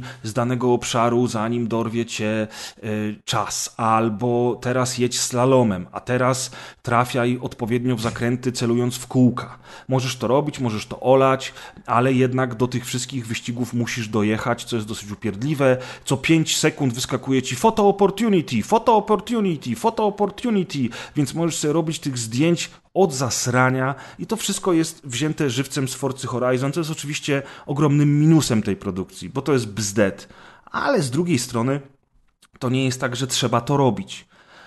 Natomiast można robić całą masę różnych innych rzeczy. Mają tutaj jakieś samochody tuningowe y, rodem z Japonii, których autor, bardzo znany koleś w Japonii, pojawia się w tej grze. Są, e, są wyścigi terenowe, gdzie mamy motocykle, kłady, buggy i całą masę innych sprzętów, którymi będziemy jeździć, których na przykład w Forza Horizon nie ma. E, I tak dalej, i tak dalej. Tych, tych, tych rozgałęzień, tych poszczególnych playlist jest bardzo dużo. Tego sprzętu, którym będziemy jeździli, jest bardzo dużo. Do tego widać tutaj, że to jest jednak mapa Ubisoftu i że te trasy nie są generyczne. Te trasy są przemyślane i fajnie zrobione, i rzeczywiście czuć, że to jest trasa zaprojektowana pod wyścig a nie wyścig wokół parku w środku miasta, tak jak czasami zdarzało się w Forcie Horizon. Oczywiście ja nie mówię, że w Forza Horizon nie było takich tras, bo były i było ich mnóstwo, ale jakoś tutaj mam wrażenie, to jest to jest bardziej spójne, to otoczenie, te trasy, ta różnorodność jest niesamowita, bo na przykład teraz w drodze do celu możemy się przełączyć i natychmiast znaleźć się w samolocie. Dzięki czemu, jeżeli do, do kolejnego punktu mamy 10 km, to zamiast jechać trasami w koło wyspy, możemy w linii prostej dolecieć tam samolotem, wcisnąć jeden przycisk, wybrać z powrotem samochód i wylądować na jezdni. Możemy przełączyć się na motorówkę. Są też oczywiście wyścigi dedykowane tylko i wyłącznie pod samoloty i pod motorówki. Więc jest tego od groma. Mhm. I faktycznie jeździ się bardzo przyjemnie. Naprawdę. To jest model jazdy, który nie jest wymagający, ale on też nie jest e, męczący, ani nie jest zbyt arcade'owy. To nie jest Need for Speed. No i ja dopiero teraz, chwilę przed nagraniem, dotarłem, bo musiałem uzbierać odpowiednią kwotę pieniążków, żeby kupić sobie motocykl. Dotarłem do motocykli. No i wow! co to jest za wypas. Motocykle w tej grze to jest po prostu coś pięknego. One już w Decru 2 były spoko. Ale tutaj model jazdy, to jak działa kamera, czy za, zarówno jak będzie to kamera z zapleców, czy to będzie kamera z za kierownicy, to jak wyglądają wychylenia w tych wszystkich wyścigowych motocyklach y, podczas jazdy po asfalcie, dzięki czemu po prostu tym motocyklem się świetnie steruje, bo jego, bo jego czuć. A potem przychodzą do tego te motocykle turystyczne, przychodzi w ogóle, mm, jak to się nazywa, te crossowe, wiecie, po tych wszystkich takich różnych... No, motocross enduro. Mm. Tak, takie, tak, takie tego, te, tego typu enduro, rzeczy. bo motocross to na zamkniętych halach. E, a potem, wiesz, ale tutaj chyba też jest motocross, tylko jeszcze nie, by, nie, miałem stan, nie byłem w mhm. stanie go jeszcze, wiesz, sprawdzić. A potem przełączyłem się na, na, na coś, co się nazywa offroadem. E, kupiłem sobie e, takiego kłada, i pojechałem wyścig na kładach, gdzie jest specjalna, piaszczysta trasa z mostkami, z zakrętami, z wyskokami, ale takimi, wiesz, realistycznymi, a nie taka skocznia, że lecisz pół kilometra. I po prostu, i mówię, wow, ile tu jest zawartości. To jest kolejny Ubi the Game, tak jak ostatnio y, ta ich gra o rowerkach, pamiętacie? Była taka gra ogóle- ostatnio. Znaczy to była różnych sportach Riders chyba. Republic? Riders Właśnie. Republic. Mhm. I wiesz, i Riders Republic też miało po prostu bardzo dużo zawartości w sobie i tutaj jest tak samo. To jest ten sam pomysł, tylko że przeniesiony do The Crew, no i faktycznie pełnymi garściami czerpiący z Forcy Horizon. Tutaj w ogóle nie ma co dyskutować. To, te gry trzeba ze sobą porównywać, bo to jest ten sam pomysł. Ale to nie jest wada tej produkcji, ani trochę. I nawet ja, zmęczony wszystkimi festiwalami, naprawdę się wciągnąłem w tego Motorfesta. Więc powiem wam, że póki co bawię się dobrze. Graficznie, nie wiem czy przeglądaliście, Tadeusz, na pewno jakieś materiały z tej gry. E, graficznie moim zdaniem jest nieco gorzej niż Forza Horizon 5, dlatego że Forza Horizon 5 chyba była troszeczkę bardziej fotorealistyczna. No trochę tak, No, właśnie oglądam, oglądam te filmiki i takie to jest trochę takie plastikowe, zabawkowe. O, o, nie? o, o. I tutaj w The Crew to jest troszeczkę bardziej plastikowe, bardziej zabawkowe, tak jak mówisz. Te kolory są bardziej pastelowe. Mhm. Ale to mi w ogóle nie przeszkadza, chyba nawet mi to się podoba. Bo ja dzięki temu po prostu mam wrażenie, że tak, to jest gra, w której masz się dobrze bawić się baw. I nie, nie, znowu nie porównuję do Forcy, ja nie będę mówił, która jest lepsza, która jest gorsza. Tym bardziej, że nie spędziłem jakoś dużo czasu na razie z Motorfestem, ale wiem już, że spędzę ten czas, bo to jest. Jeżeli słuchacie nas od dawna, to wiecie, że ja zawsze byłem trochę fanboyem, jeżeli chodzi o Ubisoft, jeżeli chodzi o te światy właśnie, które oni kreują i o to, jak oni te gry rozwijają. Przecież The Crew 2 było rozwijane praktycznie do tej pory. Wszystkie gry, za które oni się biorą, są potem przez dwa czy trzy lata aktualizowane, dostają kolejne rzeczy, zarówno darmowe, jak i płatne, więc tam jest po prostu bardzo dużo zabawy.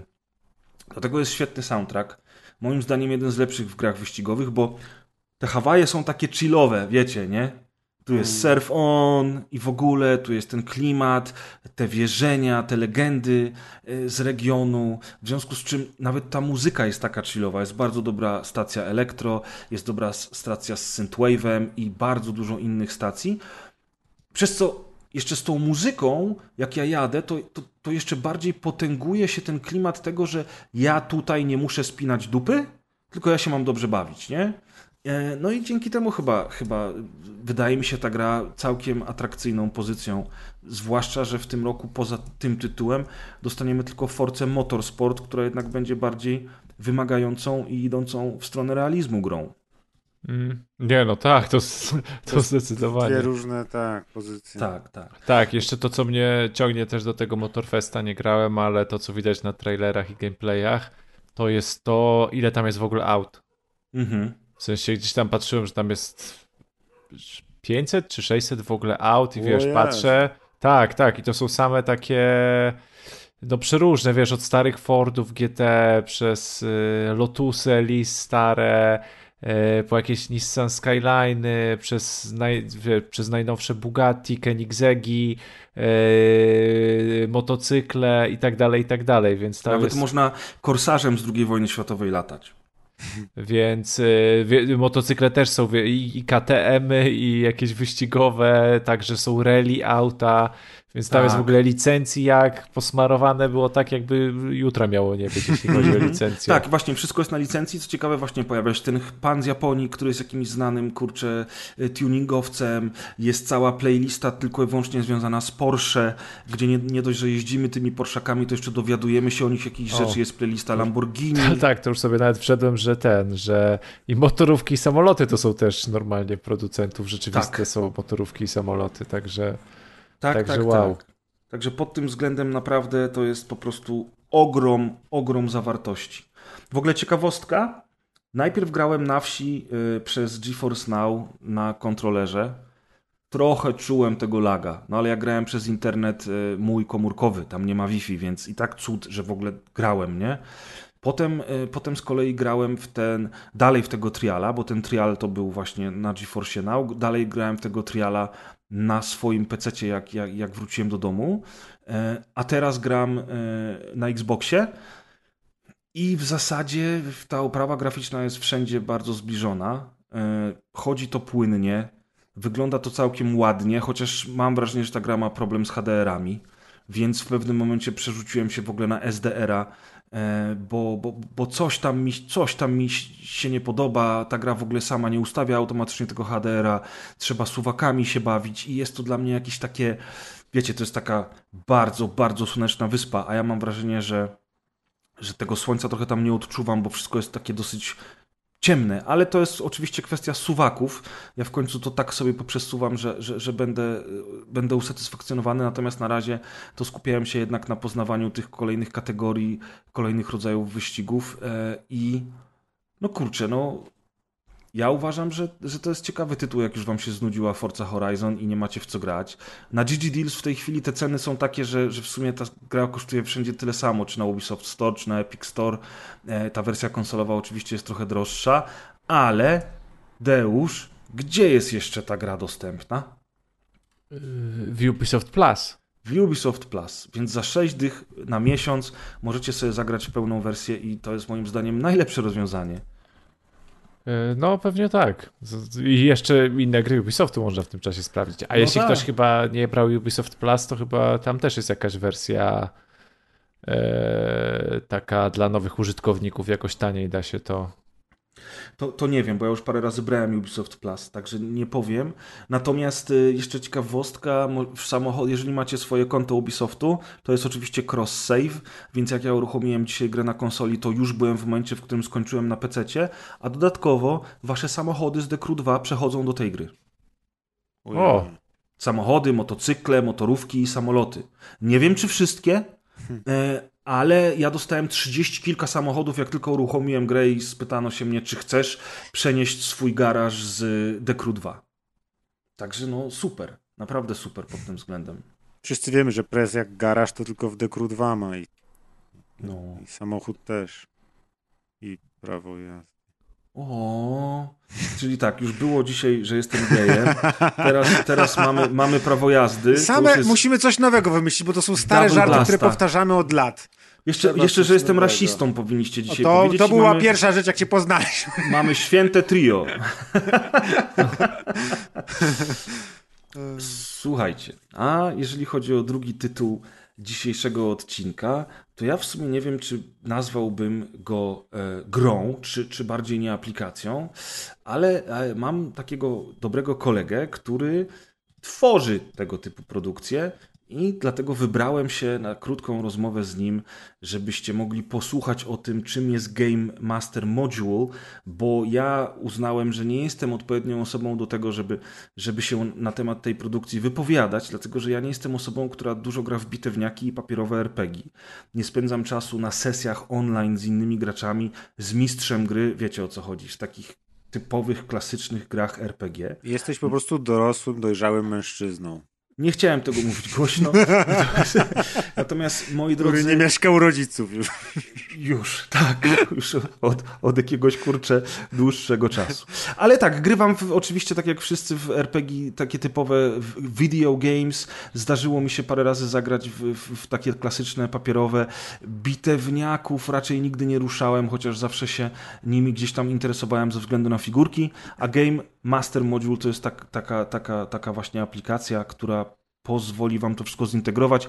Posłuchajcie sami. Rozmowa kontrolowana. Rozmowa kontrolowana. Game Master Module autorstwa dewelopera o tajemniczej nazwie Mielczarek Art, czyli tak naprawdę autorstwa mojego dobrego kolegi Kepsa. Witaj. No, witam, dzień dobry.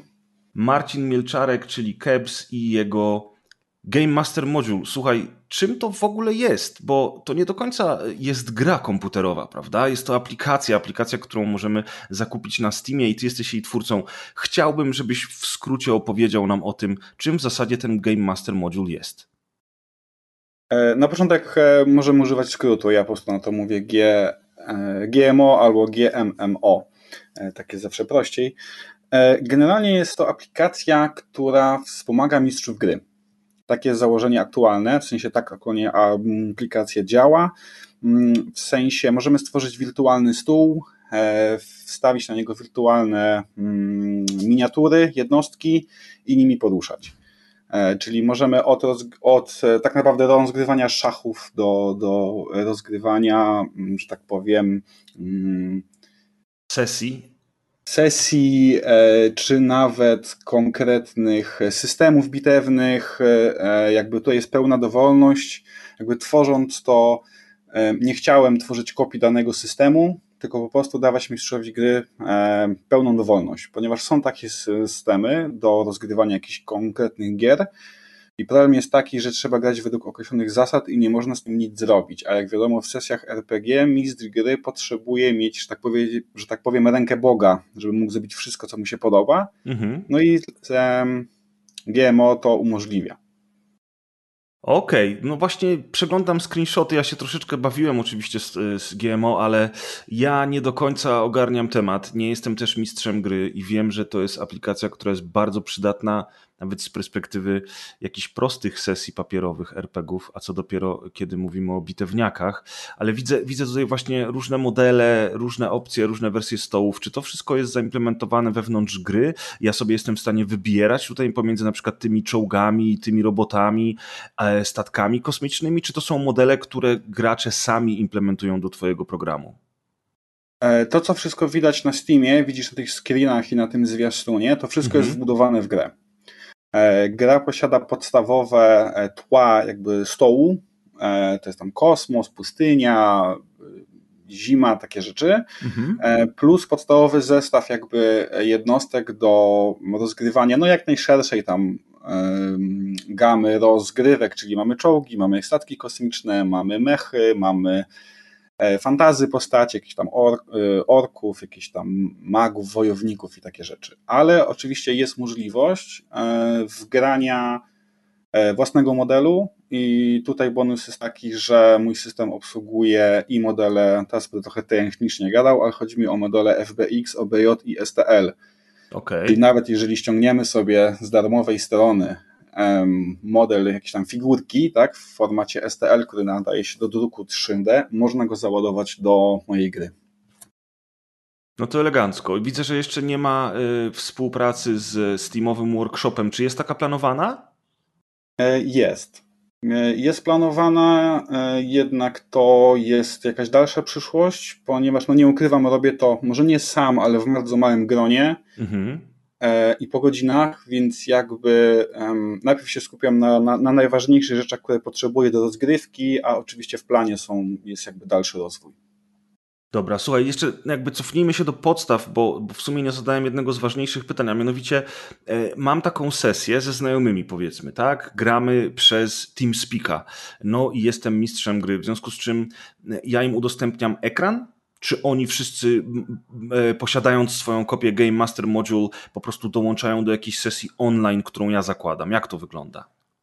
E, na dzień dzisiejszy działa to tak, że udostępniasz ekran, ponieważ okay. większość mistrzów gry działa w ten sposób. Jakby mm -hmm. w tym momencie aplikacja gra jest skierowana do, do mistrzów gry i oni są przyzwyczajeni do takiego sposobu rozgrywki, bo mogą udostępnić na ekranie to, co chcą i takie elementy, jakie potrzebują, E, i mają kontrolę nad tym, e, ale oczywiście system ma, mm, mam w planie i to jak, i to już tak powiem, im szybciej, tym lepiej, e, dodać multiplayer, gdzie na zasadzie host, klient można się dołączyć do rozgrywki mistrza gry, mistrz gry będzie mógł wybrać jaki rodzaj kontroli gracz ma, czy ma pełną dowolność na stole, czy może poruszać tylko swoimi figurkami, czy może włączać, wyłączać tą opcję poruszania. Aha po to, żeby zachował tą kontrolę tak naprawdę nad, nad tym, co się dzieje na stole.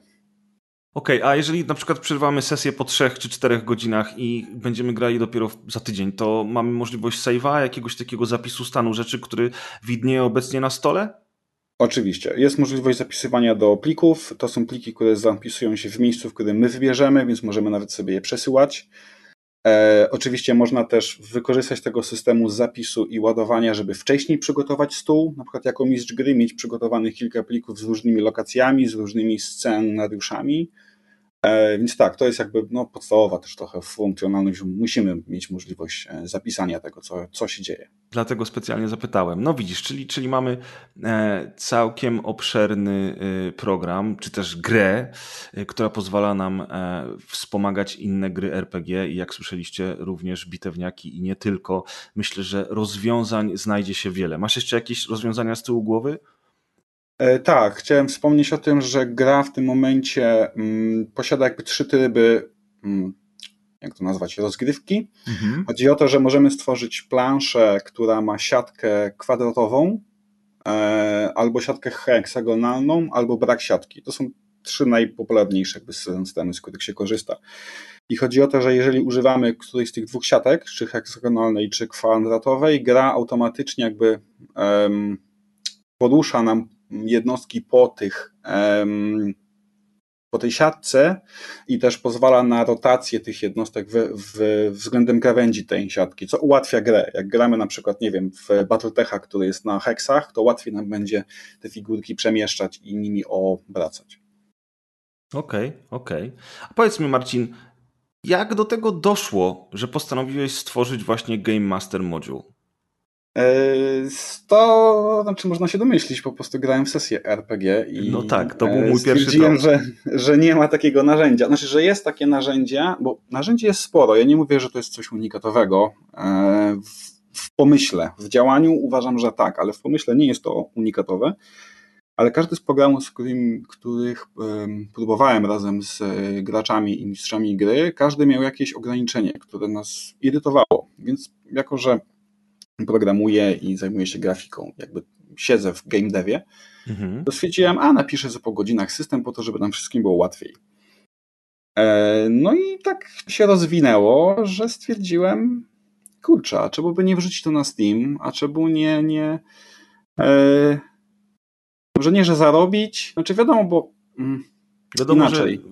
Dostać wynagrodzenie za tak swoją... Jest dostać wynagrodzenie za, za po prostu swój wkład, który człowiek Oczywiście, jeżeli włoży, udostępniasz to, to szerokiej publiczności, to warto by było dostać e, coś za to z powrotem, bo widać, że to jest e, pełnoprawny, profesjonalny produkt i rzeczywiście e, oficjalnie wydany na Steamie w cenie 77,99 zł, więc to jest, wydaje mi się, dobra cena, zwłaszcza jak mistrz gry może zrzucić się na taki, e, na taki e, GMO z, z graczami, którzy po, potem będą obserwowali rozgrywkę dzięki szer, szer, szerowaniu monitora, a później być może sami, jak już te moduły wprowadzicie, to sami zakupią swoje własne kopie, żeby też móc dołączać y, online do tej rozgrywki i tak tak jak mówiłeś, mieć wpływ na to, co tam się dzieje. A powiedz mi, powiedziałeś, że mm, może nie jest to unikatowy pomysł, natomiast działanie y, Game Master Module jest unikalne, więc dlaczego tak jest? Ponieważ nie ogranicza nas. Nie narzuca nam żadnych e, zasad, żadnych e, rzeczy, e, co jest tak, że może być jakimś tam problemem entry level, ale dla mistrzów gry raczej to nie jest problem ogarnąć kolejne mm, narzędzie, z którego będą korzystać. E, jakby aplikacja nam nie pomaga w żaden sposób, oprócz tego poruszania tych jednostek po siatce i daje nam możliwość e, wgrywania dowolnych grafik na tło stołu, bo o, o tym jeszcze nie powiedziałem, czy własnych modeli. Mhm. Dzięki temu możemy stworzyć tak naprawdę jakąkolwiek rozgrywkę mm, chcemy mówię, się śmieję, że możemy grać w szachy, albo możemy zagrać, myślę tu nazwami, rzucać teraz różnych systemów, bo nie wiem jak tam do tego podejść, ale chodzi o to, że ja nie mam zamiaru robić płatnych DLC z jakimiś e, systemami, które są e, mają prawa autorskie jakichś firm i z nimi się dogadywać, tylko na zasadzie ja daję wam gracze narzędzia, a wy już róbcie co z tym chcecie. Mhm. Jak ściągnięcie modele, czy samemu je zrobicie, ja jakby, że tak powiem, nie mój cyrk, nie moje małpy. Tu no jest jasne. taki motyw, żeby. E, no tu nie chodzi o to, żeby oszukiwać, tylko chodzi o to, żeby każdy mógł zrobić to, co po prostu na co ma ochotę. I jakby ja nie.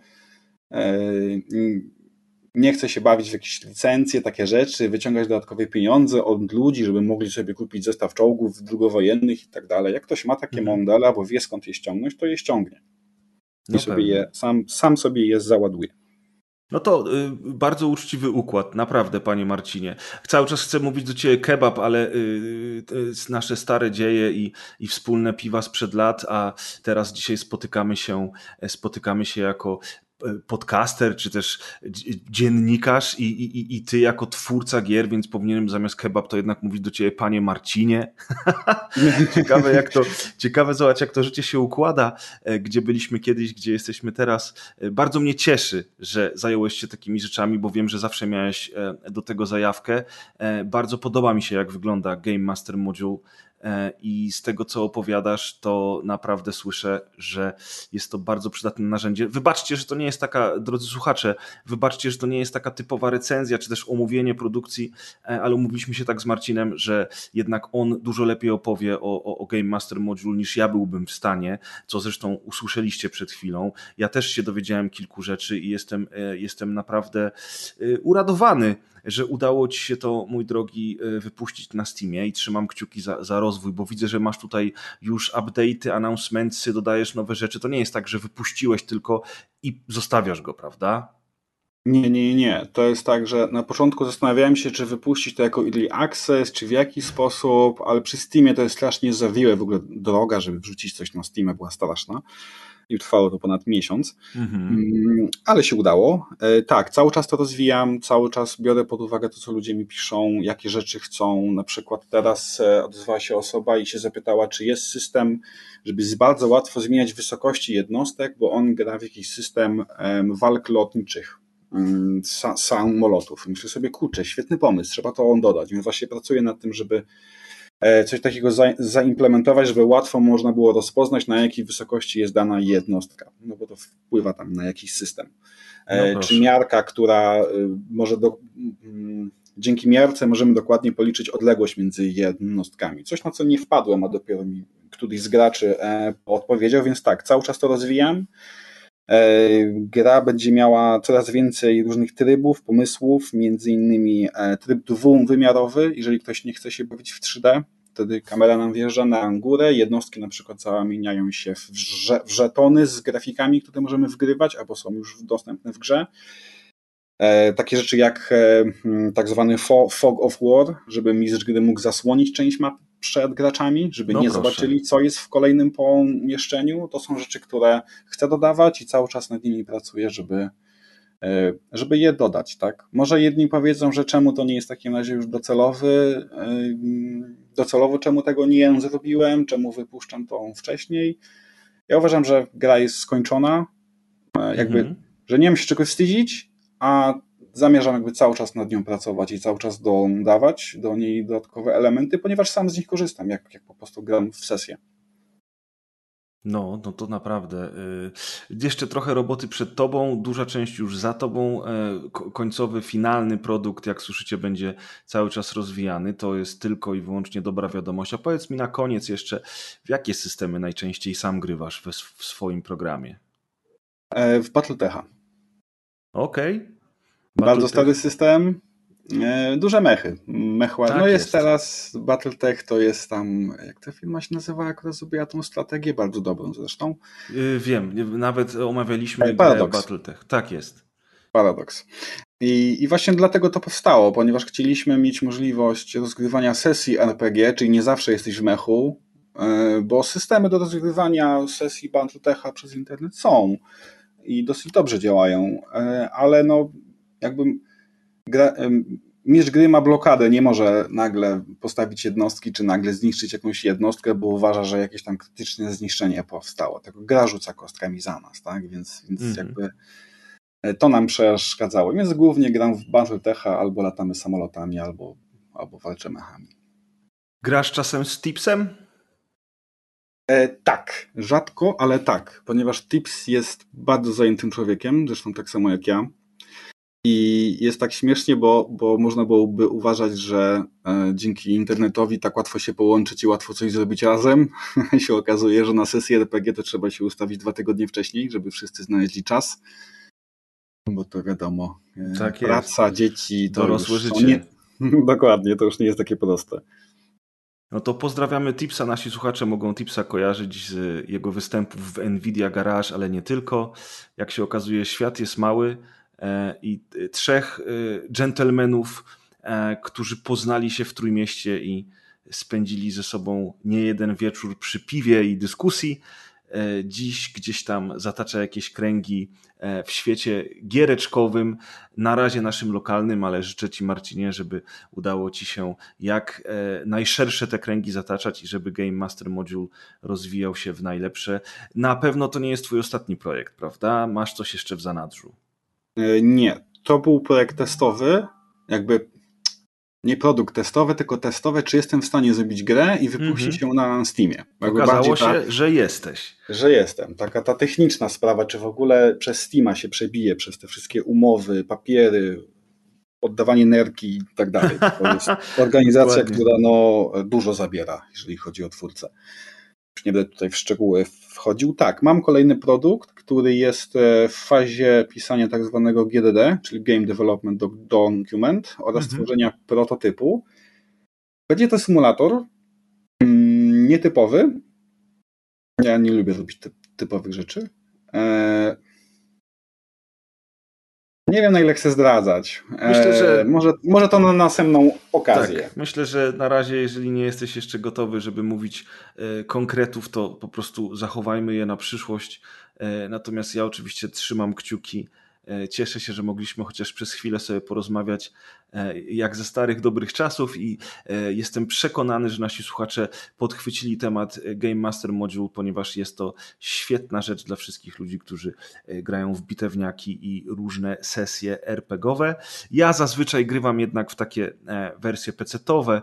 To jest kwestia, wiesz, braku właśnie czasu, braku możliwości zorganizowania ekipy, z którą będzie się później grała. Wiadomo, że takie sesje to jednak e, są sesje, które trwają po kilka godzin e, i rozciągają się na wiele dni.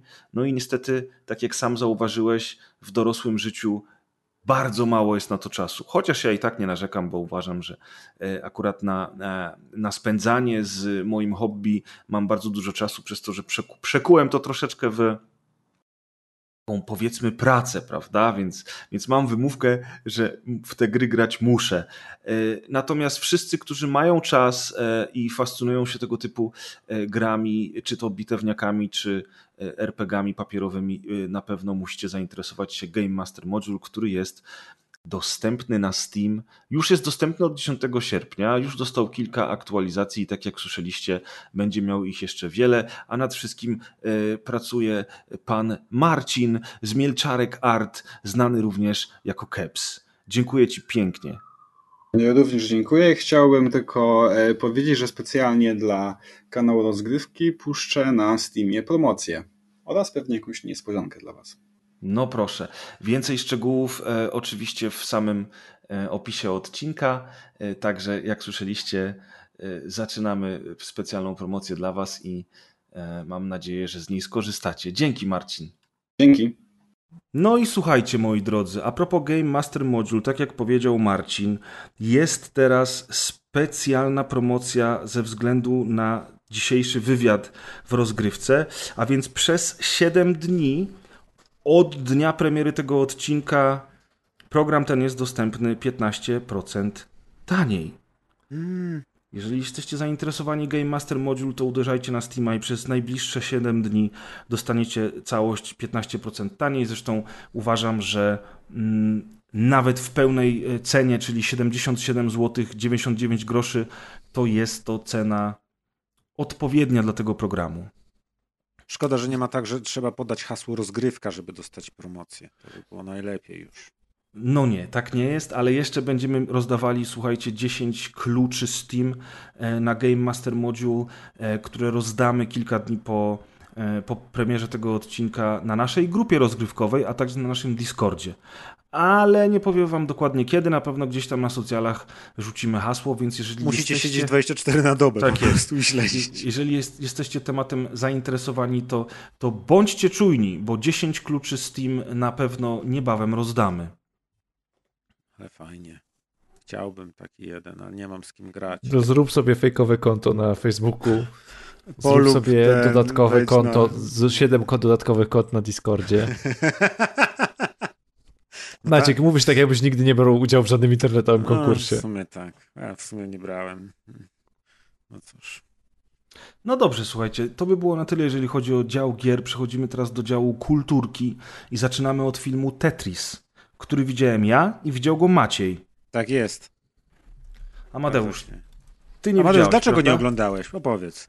Yy, nawet, nawet nie mam pojęcia, gdzie ten film można było zobaczyć. Apple. TV. Apple, Apple TV. w ramach abonamentu, słuchaj, wyszło w tym roku. Nie pamiętam kiedy dokładnie, a jakoś w marcu. E, No i to jest y, film w reżyserii Johna S. Barda, który robił między innymi serial Vinyl, robił też film biograficzny Stan i Oli o, o Flipie i Flapie, ale nie jest to jakoś bardzo znany e, nam, czy szerzej reżyser. No i O, właśnie zrobił Field z Jamesem McAvoyem. to Fajny był genialny film. Genialny.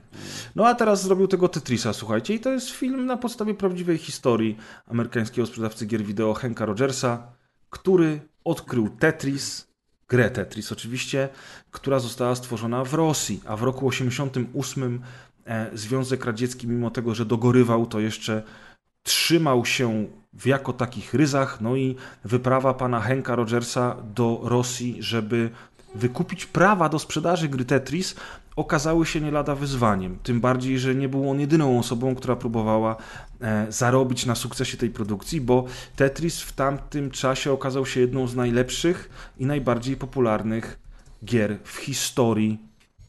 I Zresztą też wokół niego kręciła się tajna premiera mm, Handhelda od Nintendo, który wtedy Handhelda. Co ty z tymi handlehandami? Bo on handluje. Handelhand. handhelda, aż już po, po mnie jedzie policja, słyszycie? O, Tak. policja grama, gramat police. Dokładnie. Czy pan mówił handheld? Zastrzelić Jak go. się, ale mają dobre mikrofony tam, zbierają nieźle. E, No, no, no, no. W każdym razie słuchajcie tak, no i to jest bardzo ciekawa historia. Ja oglądając ten, ten film nie byłem do końca pewien, czy to jest prawda. Natomiast jak już film obejrzałem, to zacząłem czytać, sprawdzać fakty i okazało się, że tak, ta historia jest prawdziwa i to czyni ją tym bardziej niesamowitą. Jak tobie się, Maćku, podobało? No mi się właśnie średnio podobało, bo ja za dużo, widziałem tylko zwiastun, no i wiadomo, jak film o Tetrisie, y, to, to trzeba by obejrzeć, no bo, bo, bo pewnie fajny. Ja poza tym lubię głównego aktora, czyli Tarona Egertona, który tam grał. Ale niestety ku mojemu y, trochę y, smutkowi okazało się, że to jest tak naprawdę film o, o podpisywaniu umów, zrywaniu umów, o kontraktach, o negocjacjach biznesowych, o licencjach i o oszustwach. Y, A Tetris jest takim pretekstem do tego wszystkiego i w tle mamy ten taki historyczny koniec ZSRR, gdzie tam już się wszystko sypie i, i każdy gra na swoje, ale ja się bardziej spodziewałem filmu o samej grze i o jej autorze, a tutaj jakby mm, tam ten film jest taki, on też nie jest taki poważny, on jest w sumie taki lekki dosyć z zabarwieniem komediowym, ale ostatecznie tak stwierdziłem po tym, jak wszystko obejrzałem, że nic jakby nie wyciągnąłem z tego filmu. I okej, to, że to się wszystko działo naprawdę i że te, ci ludzie tam naprawdę żyli i, i dokonywali tych rzeczy, przez tą granicę się wtedy przejście przez granicę było nie tak jak teraz, byle czym, tylko, tylko tam do Rosji się dostać, do, do Związku Radzieckiego i tak dalej. To były wyczyny, więc rzeczywiście, że oni w pogoni za tym Tetrisem takie rzeczy robili. Ten, ten moment y, ujawnienia Game Boya też był taki fajny, no bo to dla nas, fanów sprzętów do grania, y, takie rzeczy są przyjemne, ale, ale tak ostatecznie to ten film jakby nic mi nie dał i nie widzę powodu, żeby do niego wracać. Właśnie przez to, że tak naprawdę te gry wideo, równie dobrze można by tego Tetrisa zastąpić, wiesz, nie wiem, nową gumą do rzucia albo czymkolwiek innym, i ten film dużo by się nie zmienił, bo on jest głównie o tym, jak tutaj jeden handlarz chce o przerzucaniu się licencjami, każdy, różni handlarze sprzedają sobie te licencje, ktoś tam oszukuje, bo ich nie ma, a i tak je niby sprzedaje, potem się dowiadują, że on ich nie ma, więc idą sami je kupić, ale ścigają się z innymi. I ten cały Tetris, gry wideo i Game Boys tak naprawdę według mnie stanowią takie tło, które jakby jest właśnie tylko pretekstem, a nie esencją tego filmu. I ja się trochę nie tego spodziewałem i właśnie ja się trochę zawiodłem. Rozumiem. Natomiast ja troszeczkę ten film odebrałem jako, e, jako, tako jako takie przedstawienie tego, jak wyglądała własność intelektualna w Związku Radzieckim, a mianowicie nie wyglądała. E, I szokujące było dla mnie to, że człowiek, który Tetrisa stworzył, nie miał do niego żadnych praw, a tak naprawdę e, to aparaty partyjne zajmowały się tym, żeby jak najwięcej pieniędzy na tym zarobić, a ponieważ całość dzieje się u schyłku Związku Radzieckiego, kiedy Gorbaczow już praktycznie stoi u progu pierestrojki, to, mm, to okazuje się, że tam właśnie w tym filmie jest pokazane, jak różne prywatne osoby próbują na tym ugrać Mhm. coś i jak wygląda to kłamstwo Związku Radzieckiego jako tego państwa komunistycznego, które, które niby e, robi wszystko dla dobra państwa i obywateli, a tak naprawdę to każdy na własną rękę próbuje coś tam ugrać. Niektórzy trzymają się jakichś wartości, inni po prostu chcą zarobić pieniądze, a do tego wszystkiego z butami wchodzi mm, ten, ten kapitalistyczny grubas dosłownie e, i, i, i różne firmy e, zachodu, które po prostu już wtedy w latach 80. e, traktują przemysł gier komputerowych jako po prostu kopalnię pieniędzy i nic więcej, tak? I właśnie może to, że ten film jest obdarty z magii, a pokazuje te wszystkie zakulisowe rzeczy, które się tam dzieją, może to do mnie przemówiło? Nie wiem, bo ogólnie rzecz biorąc, ja byłem, ja byłem bardzo zadowolony po seansie i nawet się cieszę, że to nie było, wiesz, o, o przeprojektowywaniu Tetrisa na różne platformy, o jego portach na Game Boya, tylko to było w sumie o ludziach i o tej przyjaźni, która tam się nawiązuje i wiesz, bo to też jest ważne, nie? Bo to jest wszystko prawda i potem jak poczytasz sobie dalej, co się działo z tymi ludźmi, niesamowite, plus te wszystkie firmy, tam jest jakaś firma, teraz właśnie ten, ten kapitalistyczny grubas jest właścicielem tej firmy, ona się nazywa Micro... Ja już nie pamiętam. Micro coś tam. I ja mówię, a co to jest? Co oni tak tutaj udają, że niby jakiś Microsoft? Ha, ha, ha. A potem patrzę, mówię, nie, taka firma naprawdę istniała i tak naprawdę było, jak w tym filmie to pokazali. A ten koleś, który tam próbował z tymi lic- licencjami robić różne machlojki, to on też istniał i to, i tamto. E, I to Nintendo, ten Game Boy. I to też jest niesamowite, że pod koniec roku 88, a może 89, teraz już nie pamiętam, mm, w Stanach Zjednoczonych na gwiazdkę największym wydarzeniem jest premiera Game Boya, który sprzedaje milion chyba sztuk na święta i są reklamy w telewizji w, w programach, mm, we wiadomościach pokazują, jak te dzieci i te całe rodziny grają w Tetrisa na Game Boyu, a tymczasem w Rosji upada Związek Radziecki, wiesz... Yy, wschodnia Europa jest w czarnej dupie, chociaż w teorii no, niby zmienia się to wszystko na lepsze, a w tym czasie na drugim końcu świata najważniejszym wydarzeniem jest, jest y, premiera tego Game Boya. I ja pod tym, jakby kątem oglądając ten film, znalazłem w nim po prostu dużo ciekawych rzeczy. Tego mimo wszystko bym polecał.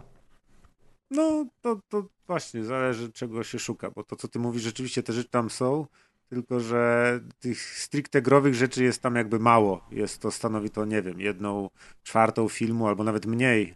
Mhm. A, a większość to są właśnie, tak jak mówisz, te relacje międzyludzkie i biznesowe rzeczy, które mogą dotyczyć czegokolwiek. A gry wideo, no to tak jest właśnie jako, jako tło ten, ten Tetris. To prawda, to prawda. Ale też jest to ciekawe, zobacz znowu, że, że ta gra wideo, coś, co wtedy jeszcze nie było uznawane przez świat, przede wszystkim za rozrywkę dla dorosłych ludzi, to nie było uznawane za, za, za jakąś dużą branżę rozrywkową, która niedługo, tak naprawdę za jakieś 10-20 lat przeskoczy branżę filmową i to na całym świecie. Zobacz, że, że ta gra komputerowa, ten Tetris stał się tak ważnym przedmiotem handlu w tym momencie, nie? Mhm. No właśnie fajne są te sceny z początku filmu, kiedy ten główny bohater jest sprzedawcą na takim Electronic Expo i tam ludzie sprzedają swoje gry. On sprzedaje elektroniczną wersję y, chińskiej gry Go, czy japońskiej. Znaczy Go, Mhm. to jest nie Go. Y, Ktoś tam ma jakiś właśnie, ten Tetris też jest wystawiany i tak dalej, więc fajnie zobaczyć te takie właśnie elektronikę y, i- i klimat wokół tej elektroniki właśnie tych tam ludzi, którzy się tym y, fascynują z końca lat 80. Te, te momenty były fajne. To było coś właśnie, co to mi się najbardziej podobało, bo spodziewałem się, że będzie więcej tego w tym filmie, nie? A tu nagle właśnie te biznesy, coś, to też on tak nagle ten film trochę rzuca cię na głęboką wodę, bo tu się okazuje, że na początku filmu już ktoś tego Tetrisa sprzedaje. Ja myślę, zaraz, to miało być w ogóle o, o powstaniu, o zdobywaniu tej licencji, a tu pierwsze sceny, a tu już jakiś inny typ sprzedaje licencję na Tetrisa. Mówię, co się dzieje? I później dopiero tam się wszystko okazuje, tam w, w, w miarę postępu fabuły, co i jak. No tak, nie wiem, no może właśnie miałem jakieś złe nastawienie. Może bym trochę więcej wiedział, o czym to jest, to, to może by mi się bardziej podobało. No tak, ale ogólnie, ogólnie dla ludzi zainteresowanych e, grami, historią gier, e, myślę, że, że warto, e, a zwłaszcza jeżeli tamte czasy są dla Was mało znane, nie, orien- nie orientujecie się w temacie, to, to może to jest jakiś taki zaczątek do tego, żeby się tym wszystkim tam trochę zainteresować. Bo no, z drugiej strony podejrzewam, że jeżeli ktoś nie wie, czym była pierestrojka, Gorba, kim był Gorbaczow, jak wyglądał koniec Związku Radzieckiego i tak dalej, i tak dalej, to może też nie wszystko tam wychwyci, A prawda? to nie są chyba takie ważne rzeczy, to tak właśnie... To też już był taki koniec filmu i takie marginalne rzeczy. Myślę, że jak ktoś nie wie za bardzo o co tam chodzi w tych politycznych sprawach, to też ani go to nie, wiesz, nie, nie, nie zagmatwa, ani nie sprawi, że on nie zrozumie tego filmu jakoś specjalnie. No, w zasadzie to tak. Słuchajcie, no to, to, to, to był Tetris, a teraz przechodzimy w zupełnie inne klimaty, a mianowicie przechodzimy na statek e, w filmie The Last Voyage of Demeter. I myśmy mówili ostatnio o, o tym filmie, że, że, że, że, takowy powstał. Nazywa się to po polsku Demeter Przebudzenie Zła w reżyserii Andre Evrdala. I pan Andre zrobił między innymi Łowcę Troli, Maćku. O, no to dlatego Tak. ten film tak fajnie wygląda wizualnie, klimatycznie. Tak, on robił też upiorne opowieści po zmroku, które jakiś czas temu wyszły na Netflixie. To był chyba w ogóle ekskluzyw Netflixowy. E, robił też autopsję Jane do i w końcu e, w końcu e, do jego rąk trafił scenariusz, czy też możliwość reżyserii filmu Demeter Przebudzenie Zła, czy też w oryginale The Last Voyage of Demeter. No i słuchajcie, czy znacie Drakulę, powieść Brama Stokera, czy znacie film Francisa Forda Coppoli? Mam nadzieję, że tak. E, No i w tym filmie jest pewien rozdział, który traktuje o tym, jak hrabia Dracula przedostaje się z Rumunii do Londynu, do Wielkiej Brytanii, gdzie zakupił pewną posiadłość, ale to w ogóle nie jest istotne w tym filmie, dlatego że ten film traktuje tylko i wyłącznie o tym, jak hrabia Dracula na statek się dostaje i o tym, jak wyglądała podróż na tym statku zarówno jego, jak i oczywiście tej nieszczęsnej załogi. Prawda, Maćku? Prawda, Grześku? Uwielbiam te Wspaniale, momenty, pięknie. uwielbiam te momenty, kiedy, kiedy próbuję ci, wiesz, Bo ja ci Podać- nie, się nie wtrącam tylko piłeczkę. ten, tylko daję ci powiedzieć, a ty próbujesz mnie wyciągnąć. Musimy sobie jakiś system komunikacji niewerbalnej wymyślić, żeby wiedzieć, kiedy kto ma komu wejść w słowo. to cię, ciężko jak nagrywamy przez internet, a nie siedzimy koło siebie. Tak jest. Wszystko, co powiedział Grzegorz, pan Grzegorz, to prawda. No, a film jest po prostu takim horrorem, nie? Tak, film jest takim horrorem, nie? Czyli nuda. I, czyli nuda. Y, I jeszcze w dodatku wiadomo, jak się skończy, no bo wiadomo, jak się skończy, bo wiadomo. To jest prawda. Więc już w właśnie ogóle wszystko zaspoilowane i bez sensu oglądać niby, nie? Ni, niby tak, niby, Niby tak. tak. Ja właśnie się spodziewałem, że kompletnie się od tego filmu odbiję, albo że po prostu będę zanudzony. To nie jest wybitny film, ani wybitny horror, absolutnie nie, ale ma coś w sobie.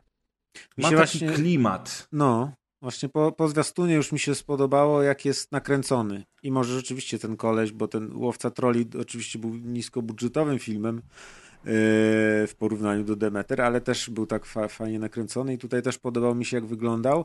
I przede wszystkim przez większość, a przynajmniej przez tą pierwszą połowę, miałem bardzo duże skojarzenia z pierwszym Alienem, ponieważ mamy statek, na statku wiemy, że jest niebezpieczeństwo, mamy załogę, tą załogę poznajemy, wiemy, bo to- jest niby taki statek, który płynie właśnie do Anglii, ale do jego obsługi wystarczy tam garstka osób, więc bardzo szybko tą załogę poznajemy, bo jest taki powiedzmy długi, fajny wstęp, ale nie, nie jakiś przynudzający, tylko ciekawy i mamy czas poznać y, osoby, opatrzyć się, jeśli nie zapamiętać imiona, to chociaż z twarzami się opatrzyć i zobaczyć, że to jest ten, to jest ten, to jest ta.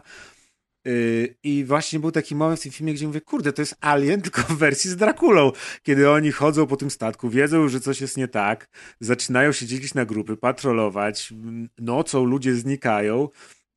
I Jest to tak fajnie nakręcone, że normalnie jakby zamienić yy, Nostromo w taki drewniany statek pływający i to, i to by było to samo. Ale niestety znowu będę narzekać, jak przy Tetrisie, ponieważ w pewnym momencie gdzieś nie wiem, w połowie filmu ja już przestałem kupować to, co mi tam było sprzedawane i nie mogłem już tak niewiary zawiesić, ponieważ według mnie ta załoga się zachowała bez sensu, ponieważ To statek prawda. płynął wiele dni i oni przez te dni jakby nic nie robili, żeby to zagrożenie, o którym już wiedzieli, że jest, zwalczyć. I moim zdaniem, gdybym był na tym statku, to już bym 10 razy tego wampira w jakiś sposób złapał i wyciągnął na światło dzienne, a oni tam po prostu przyjęli, nie wiem, jaką taktykę walki, że noc przeczekamy, a w dzień też przeczekamy.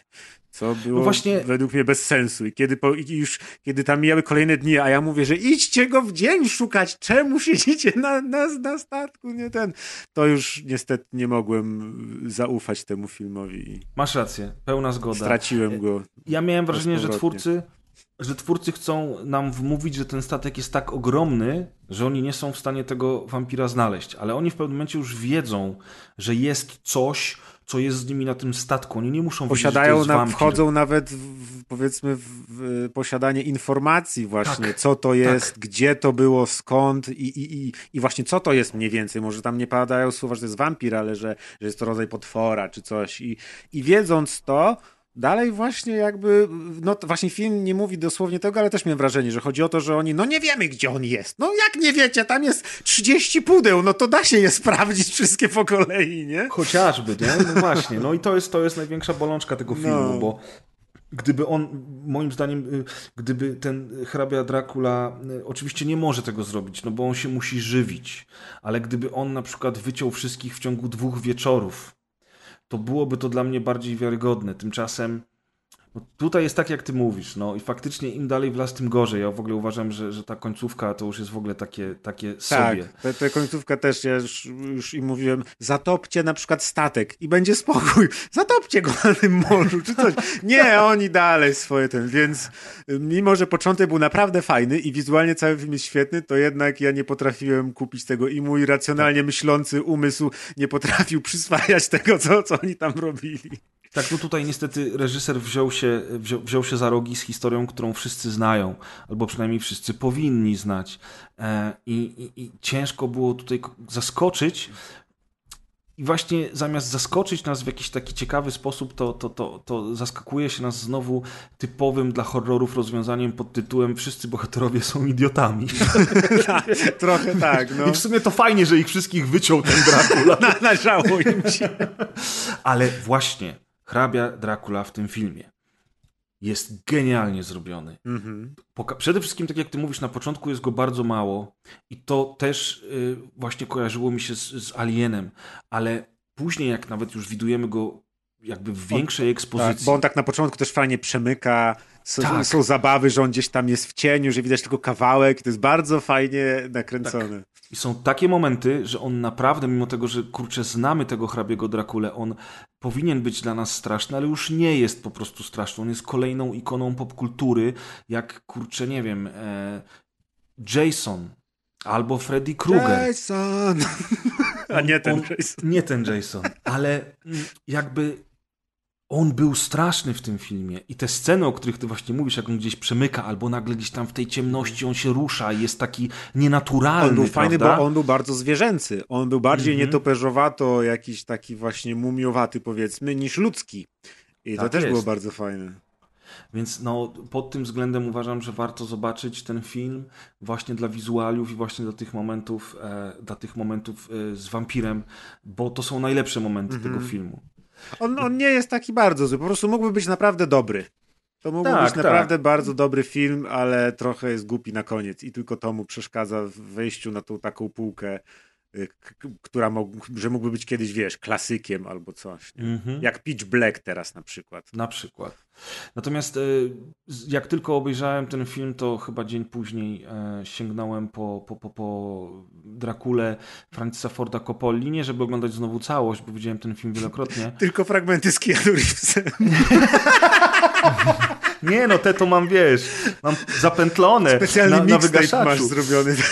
Nie, wiesz co, chciałem, chciałem sobie przypomnieć, e, jak to było z tym statkiem w filmie u Coppoli. No i tam nic nie było z tym Tam statkiem było chyba w filmie 15 u sekund, nie? Bo to był skrót tylko i Tak. wyłącznie. W książce, którą zresztą jakiś czas temu też czytałem, e, jest, jest troszeczkę bardziej to pokazane, bo właśnie ten kapitan tego statku, który zresztą jest tutaj w filmie, on, on pisał dziennik i, i tam Tak. możemy trochę więcej jeszcze się dowiedzieć z tego dziennika.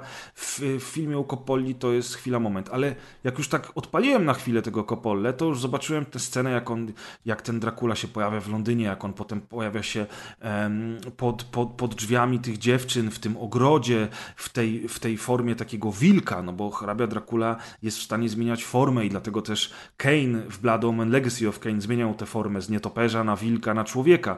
No i właśnie ten, ten film Coppoli, mimo 30 już prawie lat na karku, czy może nawet i 30, jest dalej niesamowicie zrobiony. I co ciekawe, ostatnio przypadkiem trafiłem gdzieś y, na artykuł o różnych ym, sposobach i rozwiązaniach, które zastosowano podczas kręcenia Drakuli Francisa Forda Coppoli. Mhm. I to jest niesamowite, że oni tam praktycznie wszystko robili y, efektami, y, wiesz, praktycznymi. Praktycznymi i że nawet praca- bardzo sprytnymi. No. Tak, praca, praca kamery, soczewki na tych kamerach, różne, Oszukane różne elementy. Tak. Tak, jak to teraz wam już nie przytoczę. To bo warto było obejrzeć, bo to jest naprawdę film, gdzie te, te praktyczne efekty specjalne były niesamowicie wykorzystane. I one do dziś się bronią. Także słuchajcie, moim, e, moją propozycją na dzień dzisiejszy dla wszystkich jest tak, taka opcja.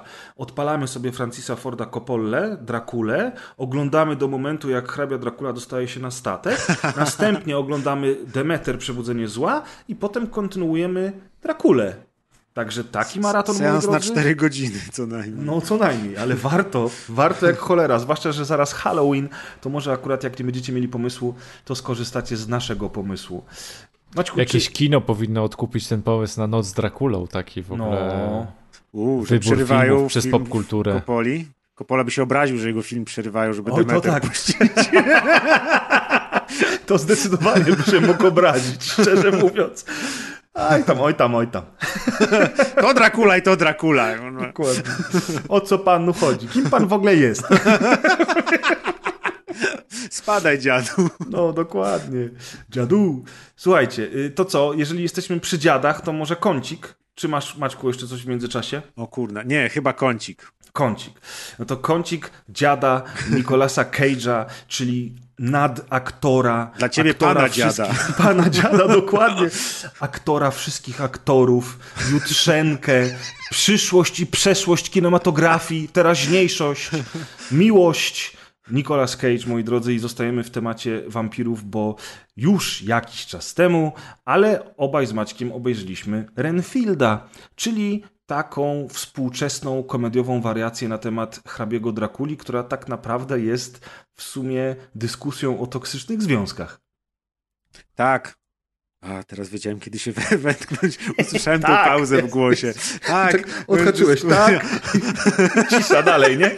Du, du, du. I teraz muzyczka z windy, wiesz. No tak, i to jest bardzo dobra dyskusja, ponieważ ten wątek toksycznego związku jest wpleciony y, nienachalnie, y, nie jakoś tam, y, jak to się mówi, ten, łoukowo, y, Mhm. tylko y, całkiem sprytnie, bo rzeczywiście pasuje.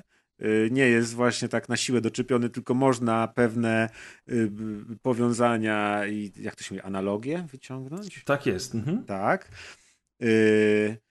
I, i, i, I co? I jest- Zgubiłem teraz wątek. Z jednej cały. strony, z jednej strony jakby on celnie punktuje te Mhm. nawiązania do, do właśnie do toksycznych relacji, czy to będą toksyczne relacje w związku między, e, między kochankami, czy też małżonkami, ale też to, są, to mogą być toksyczne relacje w, w jakichś takich właśnie biznesowych nawet, czy przyjacielskich relacjach, bo o tym jest ten film. E, Nicolas Cage wciela się w, w hrabiego Drakule, którego głównym asystentem i niewolnikiem jest Renfield. Też postać oczywiście z kart y, Brama Stokera. Tym razem akcja dzieje się w teraźniejszości i Renfield próbuje jakby spod tego jarzma hrabiego Drakuli, z tego toksycznego związku z nim uciec, udając się na spotkania terapeutyczne dla ludzi, którzy są po takich samych przejściach lub też podobnych przejściach jak on. I ja. I, i, I jakby i to jest ciekawie podane z jednej strony, bo to jest oczywiście komedia, ona jest przerysowana, jest czasami brutalna, czasami śmieszna, czasami troszeczkę nieśmieszna, ale jest tam pan Nicolas Cage w jednej ze swoich najlepszych ról ostatnich lat.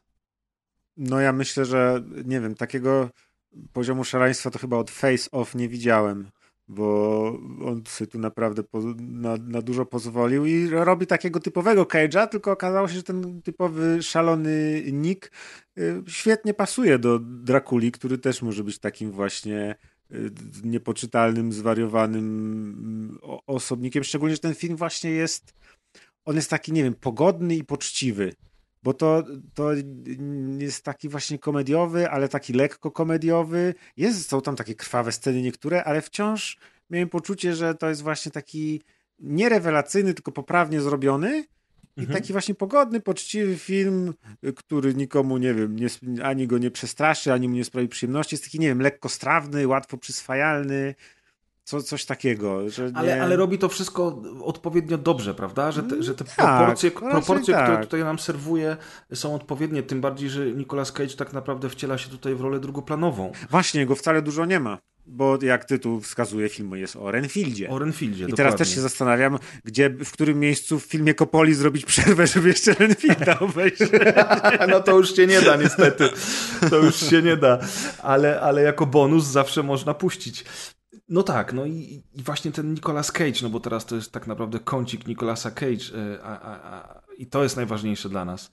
No ja uważam, że fenomenalnie wypadł i że jest tak zabawny w tym, co on tam robi, mhm. tak dobrze to gra, ma, tak jak mówisz, on jest szalony, tak w typowy dla siebie sposób, ale z drugiej strony to, to, po prostu tam pasuje. I mimo tego, że on jest przerysowany, to on właśnie taki ma być. Dokładnie, właśnie to pasuje do tego, jak Cage gra, bo dla mnie jakby zupełnie, jakby to powiedzieć, on tak to rewelacyjnie zagrał, że nie widziałem, że on gra, tylko że on jest tym, tym Drakulą, nie? Mm-hmm. Tak jak inne postacie znamy, główny bohater przecież to jest ten Nicholas Hollwood czy coś, on grał tak. Bista niebieskiego w X-Menach albo grał Nuxa w y, Mad Maxie. What a day, what a lovely day. What a lovely day. Y, no i jego już twarz jest opatrzona, więc ja tam widzę, że on tam gra. Gra jak gra, lepiej czy gorzej ale tutaj Nicolas Cage tak, tak gra, że aż nie widać, że gra.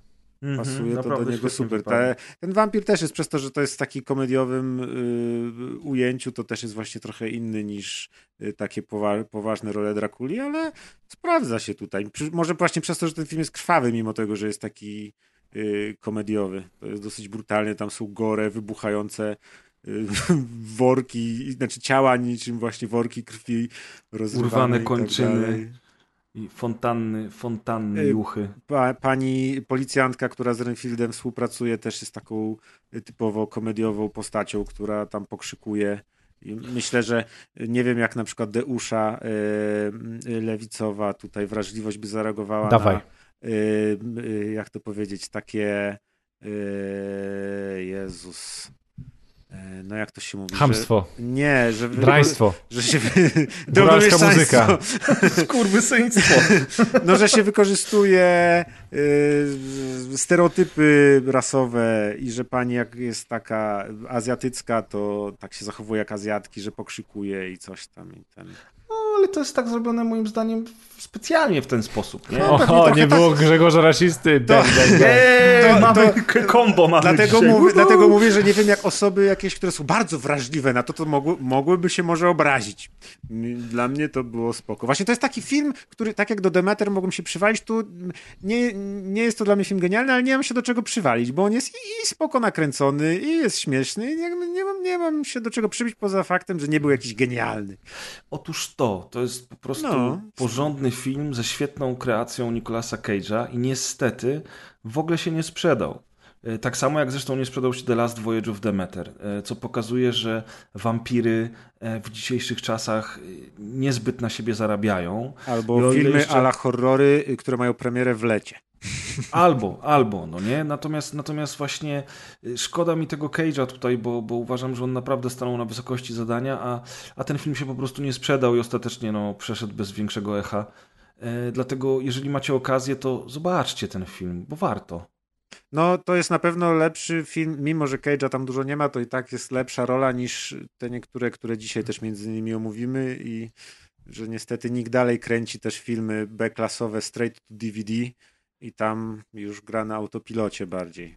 No właśnie, i ja obejrzałem Wczoraj i dziś, bo dziś go dokończyłem, taki właśnie film e, VOD do wypożyczenia na Amazon Prime, który nazywa się The Old Way. E, w polskim tytule to jest Stara Szkoła i ty Maćku też go widziałeś. Tak jest. To jest western. E, co ciekawe, ja nie przypominam sobie jeszcze Nicolasa Cage'a w westernie, więc to jest chyba pierwszy western, w jakim go widziałem. I to jest taki western o zemście, czyli w sumie najbardziej oklepany pomysł, jaki tylko może być. Jest sobie Nicolas Cage, który kiedyś był strasznym zabijaką i w sumie tak naprawdę nie wiadomo, czy on był stróżem prawa, czy on był bandytą, czy on był jakimś łowcą nagród, natomiast był bezwzględnym zabijaką, który mm, po latach założył rodzinę, prowadzi sklep i wiedzie spokojne życie, ale oczywiście jego przeszłość go w końcu dosięga. No i e, Nicolas Cage, e, ten cowboy, wyrusza szlakiem bandytów, którzy mu podpadli. Ten film jest krótki, on trwa godzinę 30. W sumie dosyć powoli się rozkręca. Przechodzi do sedna sprawy dopiero na samym końcu i całą tę sprawę rozwiązuje w finale, który trwa jakieś 10 minut może. I, I to jest film, który ma mi pokazać bardzo wiele rzeczy, ale tego nie, nie robi umiejętnie. On, on ma pokazać, że ta postać Nicolasa Cage jest, e, e, jest taką osobą socjopatyczną, czy wręcz psychopatyczną, wyrzutą z emocji, nieprzystosowaną do życia w społeczeństwie i dopiero ta żona, którą on poznaje później w swoim życiu sprawia, że jemu zaczyna na czymś zależeć. Potem okazuje się, że jego dwunastoletnia córka w sumie jest bardzo podobna do niego, mhm. więc gdzieś ta relacja między nimi tutaj zaczyna powstawać, ta nić zrozumienia. E, jednocześnie to ma być dyskusja o, o, o, o tych grzechach przeszłości, które w końcu kogoś dosięgają, bądź też nie, o prawie do zemsty, ale tak naprawdę to wszystko jest takie miałkie, mm-hmm. tak nieciekawie jest, podane. Jest taki motyw właśnie, że się jakby z generacji na generację ta bezduszność może przenosi, Ta. że jest taka wpisana w geny i jaki ojciec, taka córka albo coś. Ale właśnie ten film jest taki, taki kompletny średniak, nijaki jest, jest, jest moim zdaniem nawet jest gorzej niż średniak. Ten film to jest kompletna strata czasu. Ja na nim zasnąłem wczoraj w nocy, dokończyłem go dzisiaj e, i przede wszystkim jestem absolutnie zawiedziony kreacją Nicolasa Cage, bo on w tym filmie nie jest sobą.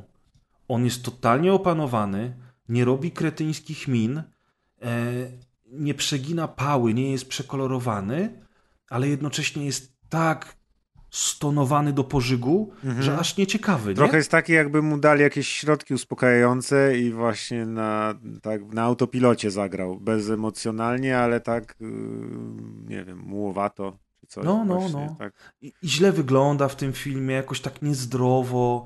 Te, te włoski ma jakieś takie, wiesz, no Serio. No to jest dziki zachód, no kto tam zdrowo wyglądał?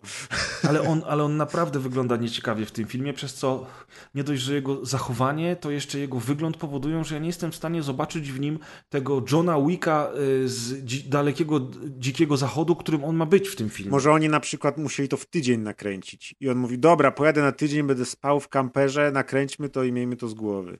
Tak, wiesz, tak jak z tym filmie, co raz miał brodę, a raz nie miał na ujęciu, Ojej, nie? To było piękne, to było tym, o tym lwie statku. na statku. Tak, co mhm, statek. Mm-hmm, no. mm-hmm. No właśnie, ja zauważyłem ostatnio, że my w tym kąciku Nicolasa Cage zawsze podawaliśmy w rozpisce tylko kącik Nicolasa Cage, a nie podawaliśmy tytułów tych filmów i to jest błąd, bo teraz jak ktoś by chciał wyszukać konkretną recenzję filmu, to jej nie znajdzie. Więc od tej pory postaram się jednak dodawać e, w tej rozpisce tytuły tych filmów, o których rozmawiamy, bo ja sam chętnie do nich będę wracał. E, chociażby dlatego, że ty opowiadałeś o Jeny, jak ten film się nazywał teraz? Ten też Jest też na Amazon Prime. Ostatnio? Tych, nie, to było chyba w zeszłym roku, jak ty go chwaliłeś, e, że to jest taki niezły całkiem film. Nie wiem, czy ten, który bazuje na Five Nights at Freddy's? A, Willy's Wonderland. Nie, to ten drugi. Mm. Coś tam Ghostland. A, Prisoners of Ghostland. O właśnie, i on jest na Prime, ja bym chciał go obejrzeć. To, to nie jest dobry film. On, zwiastun wydaje się rewelacyjny. Bo tam są odpały kompletne i człowiek ogląda i co to jest za film? Samuraje, kowboje, samochody strzelają, science fiction, coś tam, coś tam, a film jest beznadziejny. Ale no chyba nie jest aż tak zły jak Jiu-Jitsu, co? No, no nie, no jak jiu-jitsu to nie. Mało Musi być coś, jest tak, tak złych jak Jiu-Jitsu. musi być coś, co wyznacza najniższy poziom, którego startujemy i to jest jiu-jitsu, które również warto obejrzeć, ponieważ są tam efekty komputerowe robione chyba przy pomocy Amigi 500. Ale Prisoners of Ghostnet, no to jest zawód przede wszystkim, że zwiastun wygląda naprawdę tak e, ekscentrycznie, o.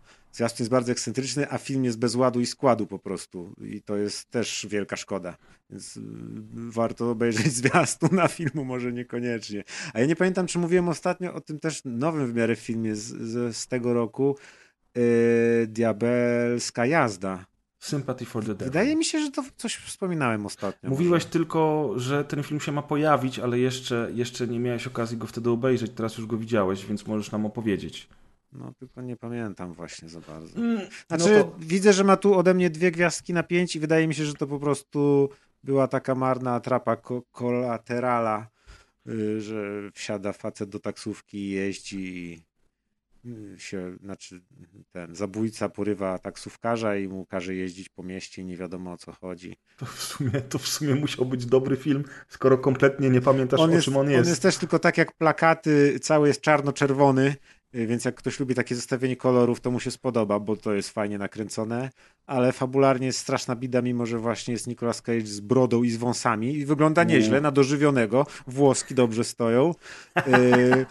I gra pan y, Joel Kinnaman, y, znany chociażby z nowego rebootu Robocopa. Tak, i z amerykańskiej wersji The Killing, fantastyczny serial. Jeżeli nie mieliście jeszcze okazji obejrzeć, to bardzo polecam. Pan Kinaman występuje również w. e, w, w Suicide Squad. Tak, ale on jest taki serial o, o kolonizacji Księżyca, alternatywna historia ludzkości, który jest For the dostępny na- Mankind coś tam? Tak, For Mankind. For o, all więc, Mankind. więc pan Kinaman y, grywa w lepszych i gorszych filmach, natomiast no, takiego rozstrzału, jaki ma Nicolas Cage, to chyba nikt nie ma. To trzeba być wybitnym aktorem. To trzeba mieć swój własny kącik na rozgrywce. przeszłości i przyszłości. Y, jedyna dobra rzecz, jaką o tym The Old Way westernie mogę powiedzieć, to że y, wystarczył, żeby mi się bardzo znowu chciało zagrać w Red Dead Redemption 2. No co ty? Bo te klimaty westernowe, nie wiem, mało jest westernów ostatnio, nie? I, I tutaj ten The Old Way, jak, jak go tak oglądałem, to sobie się kurde, ta preria i oni na tych koniach i te domki z drewna, ale bym sobie w Red Deada zagrał. No a jeszcze kończąc y, kącik y, pana Mikołaja, to pojawiły się w sumie na dniach y, dwa trailery, o których widziałem, nasi słuchacze pisali w komentarzach. Ja jeszcze nie widziałem tych trailerów, może wy widzieliście. Butcher's Crossing i Dream Scenario. Jakieś dwa filmy, które mają się pojawić jeszcze w tym roku. Butcher's Crossing wygląda na The Old Way, spróbujmy jeszcze raz, może teraz wyjdzie. Okej. Bo tam Nicolas Cage gra y, jakiegoś takiego trapera, łowcę bizonów. I jakiś tam chłopak, który przyjeżdża z dużego miasta na dziki zachód, y, chyba go wynajmuje i coś tam na te bizony polują i pan Nicolas Cage jest... Scenariusz z czatem GPT był pisany. Tak jest, bardzo możliwe. Pan Nicolas Cage wygląda trochę jak Travolta, ponieważ jest łysy, ma tylko taką brodę. To normalnie jakby się stylizował na, na reboot Face Off. Yy, no i tam trochę, chyba jest trochę szalony, bo to jest taki film z gatunku, że on się okazuje być trochę właśnie taki niepoczytalny czy coś, więc może tam trochę będzie żywszy yy, Nicolas Cage w tym filmie. A drugi film, który wspomniałeś, to jest chyba, e, niech ja sobie znajdę, to będzie chyba taki jakiś mądry film z gatunku, Dream Scenario ty mówiłeś, Tak, tak? Dream Scenario, no. To może być jakiś film, on tu ma widzę nawet niezłe oceny, 3,7 na 5. To jest taki chyba film bardziej, ale nic prawie o nim nie wiem. Ale wydaje mi się, że to nie będzie taki śmieszny film, tylko bardziej taki y, ten, na poważnie. Nicolas No. Cage na poważnie. Zobaczymy. No i jeszcze ten bywa, nie? Retirement Plan. No właśnie. komedia akcji, gdzie on jest agent, gdzie jest Johnnym Wickiem, można powiedzieć. Na emeryturze. Ale to widzę, że tu też słabe oceny zbiera. No. Właśnie tych filmów to, to wychodzi jak grzybów po deszczu, tymczasem nie zawsze można je obejrzeć, nie zawsze są dostępne i czasami przychodzą bez echa. No ale jak słyszę o, o diabelskiej jeździe, że ty w ogóle nawet nie pamiętasz o co chodziło w tym filmie, to No jeżdżą to typy się- taksówką całą noc, no, i No. być strasznie. No to tak samo jak w Zakładniku, a to był genialny film. Cholera. No właśnie, widać, że kopiować to trzeba umieć, nie? To nie chodziło o to, że taksówką jeżdżą, kurwa! To nie o to chodziło, ja wiedzie. O, a nie wiem, czy wiesz, ja słyszałem, ploty pewnie oczywiście, ale gdzieś tam mi się obiło uszy, że y, ten reżyser Mission Impossible planuje razem z Tomem Cruzem w przerwie między jedną a drugą kolejną Mission Impossible zrobić y, jakiś y, poważny film z kategorią R, gdzie Tom Cruise znowu będzie jakimś tam bad guyem, zabójcą. Mm. Właśnie koniec z dobrym Tomem Cruzem, powrót do złego Toma Cruza, więc może Więc coś jeżeli- będzie dobrego. Jeżeli nie wiecie o co nam chodzi, to jest taki film Michaela Mana, Collateral, czy też właśnie Zakładnik z Tomem Cruzem i Jamie Foxxem, który jest jednym z najlepszych filmów Michaela Mana i, i faktycznie Tom Cruise pokazuje tam, co potrafi jako bad guy, więc sięgnijcie po ten film koniecznie, a diabelską jazdę to już na własną odpowiedzialność, tak? Tak, tak, tak. Nie bierzemy za to odpowiedzialności. Dokładnie. Kochani, zgodnie z obietnicą na końcu mamy dla Was podwójne pozdrowienia, więc nie będziemy się chyba dzielić na role. Przeczytamy tylko trochę pozdrowień z odcinków 281 i odcinków 282. Ja pozwolę sobie przeczytać te rzeczy, które są na stronie, a Ty, Deusz, może sięgniesz po komentarze na Spotify. Czy możemy tak zrobić? Tak, możemy. To ja mogę zacząć od Spotify'a. Okej, okej, Że- czyli Spotify komentarze pod odcinkiem 281. To najpierw nie powiedzieliśmy, jaka gra została grą odcinka, O, albo właśnie. może odcinka 281. Y, przypomnę, wtedy recenzowaliśmy Turbo Overkill, Kill, Bomb Rush Cyberpunk, Immortals of Aveum, Fort Solis, Mega City Police, Saints Row, po którym zamknięto studio, Po, po Oraz- tej recenzji. oraz Quake'a 2 i przytłaczającą większością głosów 38% głosów zagłosowało właśnie na Quake'a 2. I, w sum, I w sumie jak patrzę na profil e, wieku naszych słuchaczy, to się nie dziwię ze Spotify'a, czemu akurat Quake 2 musiał wygrać. Zawsze starzy ludzie i boomerzy biorą udział w jakichś ankietach internetowych. Tylko bez ageizmu mi tu. Młody człowieku! Także, e, także to. Natomiast w tym odcinku, e, w zeszłym odcinku, przepraszam, e, z poprzedniego tygodnia, czyli rozgrywka 282, grą odcinka został po raz kolejny Baldur's Gate 3. Yes! 45% głosów, mimo że o Baldur's Gate 3 było chyba 4 minuty, czy Nieźle. Dobrze, że nie Starfield. Eee, Dobrze, że nie Starfield. dop- dopiero na drugim miejscu Starfield z 27,5% głosów, czyli prawie 20% różnicy głosów. No to nawet jakby odcinek Jest był nadzieja w po dwóch tygodniach, a nie po jednym tygodniu, to przy tej ilości głosów, to pewnie i tak Baldur's Gate nadal byłby Zwiększyłaby się przewaga. Co zresztą było widać również po, po komentarzach, o czym może e, dojdziemy. Natomiast wracając do komentarzy Spotify'owych, e, bardzo się cieszymy, że piszecie komentarze na Spotify'u, bo one sprawiają, że e, podcast jest chętniej promowany przez samego Spotify'a i pod, pod rozgrywką 281, coś tu mi się słabo odpala, ale już odpalam. Pod rozgrywką 281, jeśli chodzi o komentarze, oczywiście będzie to tylko i wyłącznie subiektywny mm, wybór e, poszczególnych pojedynczych waszych opinii. I Broda MGS pisze, że kolejny solidny boomer odcinek w doborowym składzie, wciąż za mało turbo overkill w świadomości przeciętnego gracza, tytuł absolutnie topka współczesnych FPS.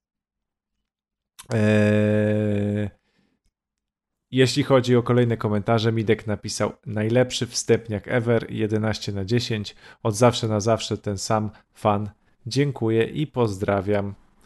E, Raku po raz kolejny pisze i tu trzeba brać z niego przykład. Jak zawsze, od zawsze zasięgi. Reszta na stronce. Również takie komentarze można e, pisać. E, Loluwa, znowu kolejne tutaj w stronę Maćka gratyfikacje, ponieważ napisał, e, napisał albo napisała piękna czołówka. E, Tutaj Jemus widać, że się wykazuje lekką niekompetencją, natomiast przeczytam ten komentarz. Preza jak zawsze dobrze się słucha. I w recenzji Quake 2 było wasze zbiorczy odgłos podskoku, bo to chyba odgłos podskoku. Mógłbym tego słuchać minutami. Pozdrawiam wszystkich, nawet i Kaza. Eee, Bartek pisze cud dla uszu, eee, a Kamczo pyta się, kiedy kącik VR. Także Nie wszystkim się nie podobał kącik VR, także byli, były osoby, którym się kącik VR podobał. Natomiast przechodząc do odcinka z zeszłego tygodnia, tutaj oczywiście przez to, że no, minęło raptem niecały nawet tydzień od kiedy nagrywamy, a od kiedy możecie komentować ten odcinek, więc komentarzy e, było e, niewiele. Mateusz.kaczor.epu pisze pozdrawiam Risera. E, Matiax125 pisze, że myśli, że Starfield jest Starfieldem, Mortal Kombat jest sobie Mortalem, ale żeby powiedzieć coś więcej, to Baldur jest zajebisty. Pozdro piąteczka.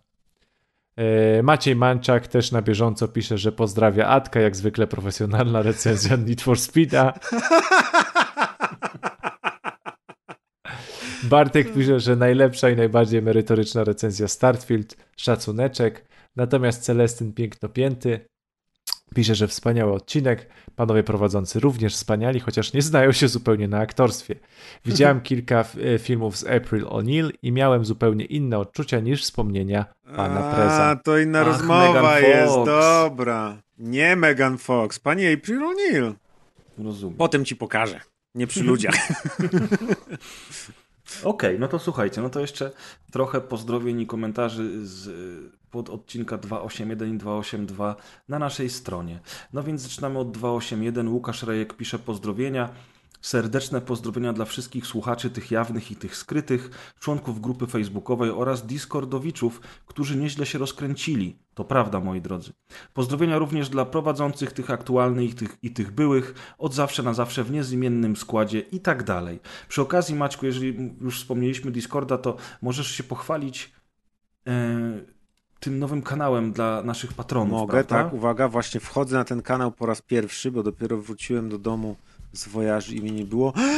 Ale ludzi jest, słuchajcie, na specjalnym naszym kanale na Discordzie, Mecenasi Sztuki, który jest ukryty i dostępny tylko dla mecenasów sztuki, którzy To nas... jest to, co Maciek miał ostatnio pokazać. Tak, to teraz pokazuję. Chcieliście tak, były komentarze, że Maciek miał pokazać, to teraz macie. Więc jeśli ktoś jest patronem i nas wspiera, to w swoim profilu na Patronajcie trzeba wejść tam w zakładkę Discordową i sobie kliknąć, żeby połączyć profil Discordowy z profilem patronajtowym i wtedy pojawi się y, wam nasz kanał dla mecenasów sztuki, który działa i tu ludzie już piszą i muszę to wszystko nadrobić i przeczytać. Matko Boska, wspaniale, jak się cieszę.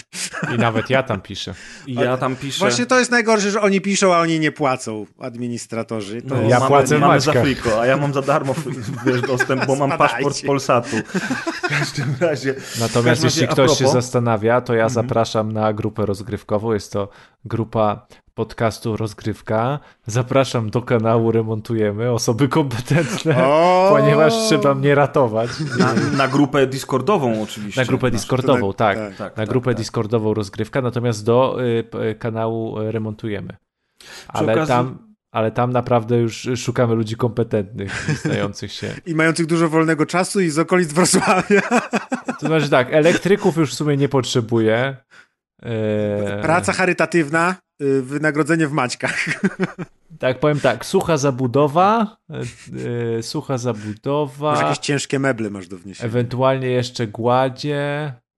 E, oso- tak, z parapetami sobie poradziliśmy na tym kanale. Znaczy, na, na kanale teoretycznie sobie poradziliśmy, czy ja sobie poradziłem, jeszcze nie wiem. Na koniec lodzik i do widzenia. E, może coś, może jacyś hydraulicy. O, właśnie, o, hydraulików zapraszam. Tak, to zapomniałem, że są odpływy do zrobienia. Hydraulików zapraszam. Braci Mario. No, ja już się nie mogę doczekać tych grubych rozmów, Deusz, ale kiedy to będzie? I czy on dożyje?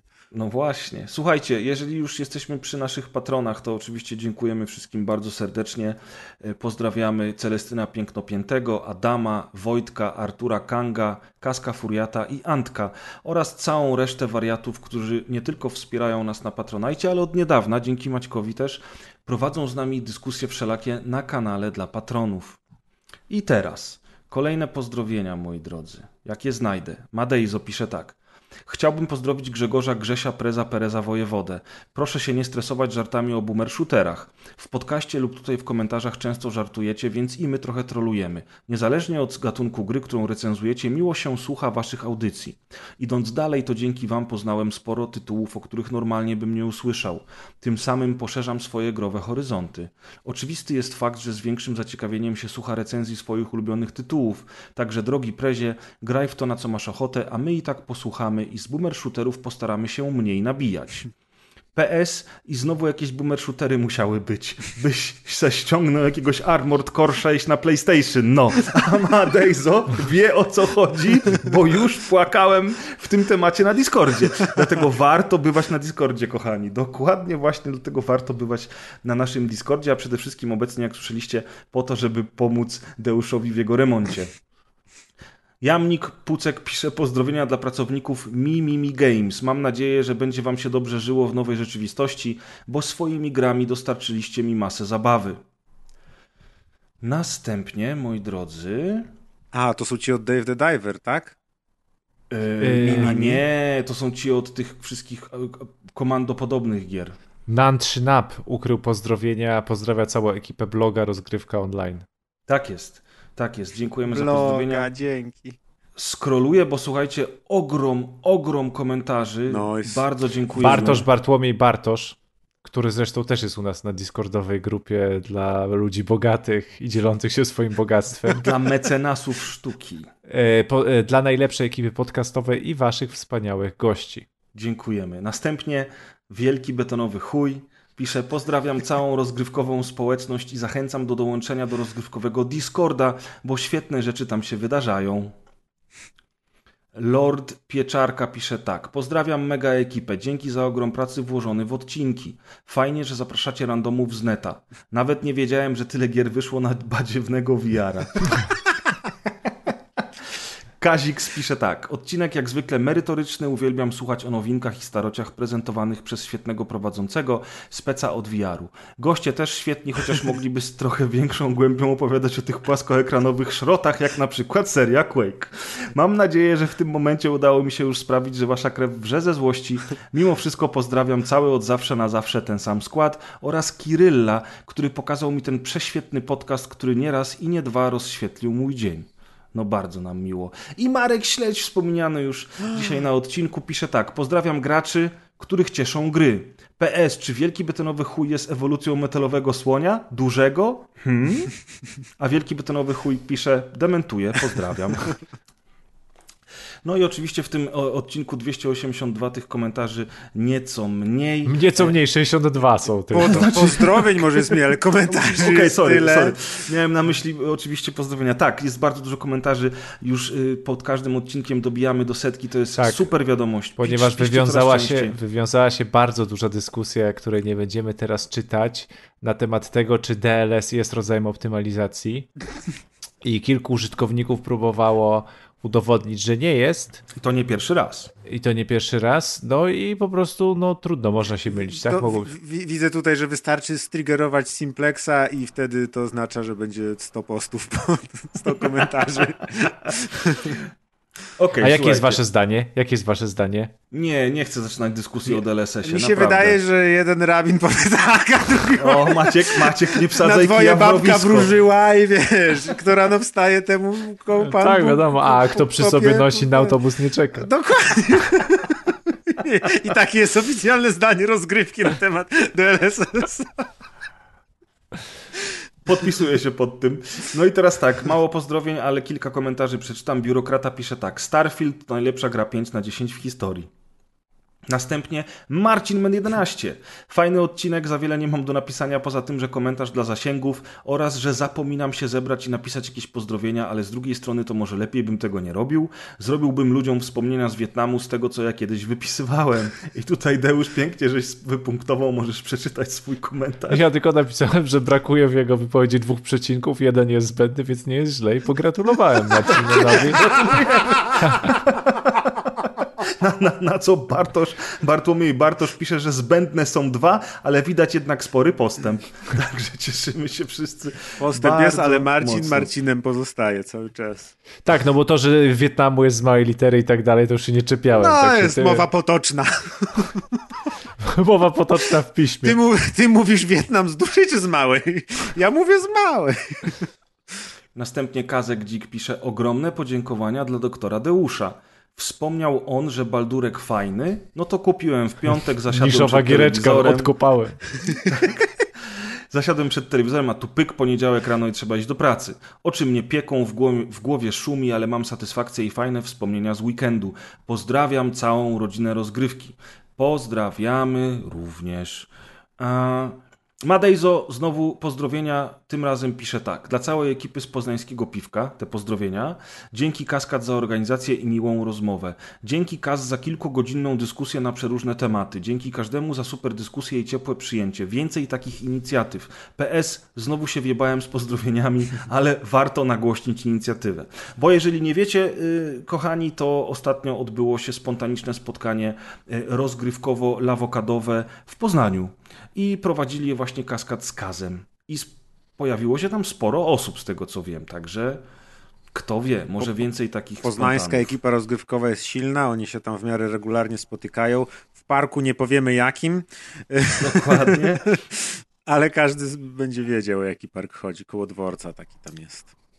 Więc jak ktoś No. jest z Poznania albo z okolic i chciałby gdzieś tam coś tam mm, się spotkać, to do To Kaza musi albo być do na Kaskada. grupie facebookowej z I kolei, w, pa- u tak? patronów najwyższy próg, bo Kaz jeszcze nie przyjmuje. I tak, i tak jak mówi Deusz, musicie być na grupie naszej y, podcastu na, na, na, na, na portalu Facebook, y, bo na tej tam oto grupie właśnie tego typu inicjatywy się pojawiają. No, No i, i. I zostawiajcie komentarze na stronie, na Spotify i głosujcie na w ankietach. Na grę odcinka w tym odcinku. Ciekawe, co wygra. Tak, mamy, mamy dwie gry w, w tym odcinku, czy też tak naprawdę jedną Ja bym na grę. czarnego konia stawiał. Mimo Tak jest, wszystko. tak Myślę, jest. że underdoga trzeba tutaj wspierać. I pamiętajcie, że przez 7 dni od 22 września Game Master Module jest dostępny na Steamie z 15% zniżką. Jeżeli gracie ze znajomymi e, w różnego rodzaju RPG i bitewniaki, to warto się tym zainteresować. Solidna robota, mój człowiek kebab. Zróbcie zrzutkę, jak gracie z znajomymi i wszyscy zrzućcie. Tak, ale to nawet mówiliśmy, że, że rzeczywiście y, to jest fajne właśnie pod tym względem, że można się zrzucić, bo zazwyczaj i tak e, mistrz gry szeruje swój ekran reszcie załogi, każdy tam na Skype'ie, czy, czy na, na Teamsach, czy na innym e, programie sobie obserwuje to, co się dzieje. No ale to już nie będę teraz powtarzał tego, co mówiliśmy podczas rozmowy o Game Master Module, tylko przypomnę mojego zioma kebaba, więc pamiętajcie, Steam 15% A to jest kebab z czosnkowym czy z ostrym? Mieszany. To różnie bywa, to różnie bywa. Mieszany na cienkim. Bez warzyw. Jak z tym DLSS-em widzę, żadnych konkretów. Jeden rabin powie tak, drugi rabin powie nie. Teraz najważniejsza rzecz. Yy, I powracamy jeszcze za dwa tygodnie w tym, w cyklu dwutygodniowym. No właśnie, właśnie chciałem powiedzieć, żebyście się nie przyzwyczajali, że tak będzie co tydzień teraz, bo Albo przesady. więcej na Patronajcie. właśnie- Powiedziałby Kas, bo ja bym tak Ja już nie wiem, powiedział. ja sobie, Ja nigdy bym tak nie powiedział. Cie. ja sobie tu odpalam kalendarz i ja widzę, że za dwa tygodnie to już będzie październik, O, ja nie. więc ja albo będę w kryzysie bezdomności, albo nie wiem, czy będę miał internet, nie wiem, czy będę miał prąd. Zobaczymy. Czy będziesz miał puls? Z tymi twoimi przebojami to nigdy wolę nie do wiadomo. życia. Czy będę miał No. duszę i świadomość. Tak, i wolę do życia. Obyś miał, e, tego Ci życzymy. Dziękujemy za wysłuchanie odcinka numer 283, jak zawsze, od zawsze w tym samym składzie. Pamiętajcie o tym wszystkim, co powiedzieliśmy. Uderzajcie na patronite.pl rozgrywka i do usłyszenia. Do usłyszenia. Bye bye. Would you like to introduce yourself to the group? Some call me the Dark One, others the Lord of Death. I am Dracula. Okay, obviously we're dealing with a little bit more than just narcissism here. Ura, rozgrywka, odcinek 283 poszło. Dzisiaj, jak zawsze, od zawsze w tym samym składzie na mikrofonach. Albo nie. Przycina cię Halo? trochę, więc nie jesteśmy Tak, pewni. przy, przycięło cię. Tak. Myślałem, że to mnie przycina. a to Zrobotyzowało i przycięło i masz słaby Poczekaj, internet we wrzeszczu. Dobra, to to ja jeszcze raz poszło robimy. A, dobra. A, okej. jeszcze raz, to czekaj, to sto. No. Czekaj, dobra. Nagle normalnie odpa- wszystko było dobrze, No. odpaliłeś i nagle... No to ciekawe, ciekawe, ale Komputer nadzieję, wykrył, że nagrywasz. obciążenia nie zniósł, wiesz. No, Czekaj, kup procesor lepszy. No. Pentium. Jeszcze, mam Pentium przecież. Ale nie tyle, co powinieneś. Ale lepsze Dobra. Pentium, 90. Dobra. To miało być szybko. No, Dwie godziny wyszły, nie? Myślałem, że będzie więcej. Jakoś tam szybko Tak? wyszło. No, Ja myślałem, że będzie krócej. Kurde, muszę ukośnicę kupić. kośnica? Nawet co to jest, Co to nie? było? No taka piła do cięcia pod kątem. A, To mów, że musisz kupić piłę do cięcia pod kątem. no, ukośnica. Znalazł się Carpenter. To mój dziadek ostatnio słuchał grubych rozmów, tych y, o Poznaniu, gdzie opowiadaliśmy pokrótce o różnych remontach i Kaz opowiadał o tym swoim odświeżaniu sal, sal, sypialni i mój dziadek taką bekę kręcił, mówi, Boże, jak, jakie to było zabawne, jak wyście gadali o tych wszystkich sprzętach, śrubach i w ogóle nie mieliście pojęcia o czym mówicie. Także tak. Ale ci dziadek pojechał. Ty chciałeś być dobry wnuczek, odwiedzić go, a... No, a on tutaj wiesz. Ale tak, tak, tak się śmiał, że aż sam się śmiałem z tego. Jesteśmy tacy głupi, masz rację, Boże. To młode pokolenie. Pierdolę. Śruby od wkręta nie rozróżnia. Oj tak, oj tak. I tylko Mhm. tego. I tylko tego kebaba, Tego kebaba się wciśnie. Już ci go wysłałem, nie? Tak jest, mam kebaba. Także wciskaj kebaba, Maciek. Wciskam. Super. Dzisiejszy odcinek powstał we współpracy z gg.deals.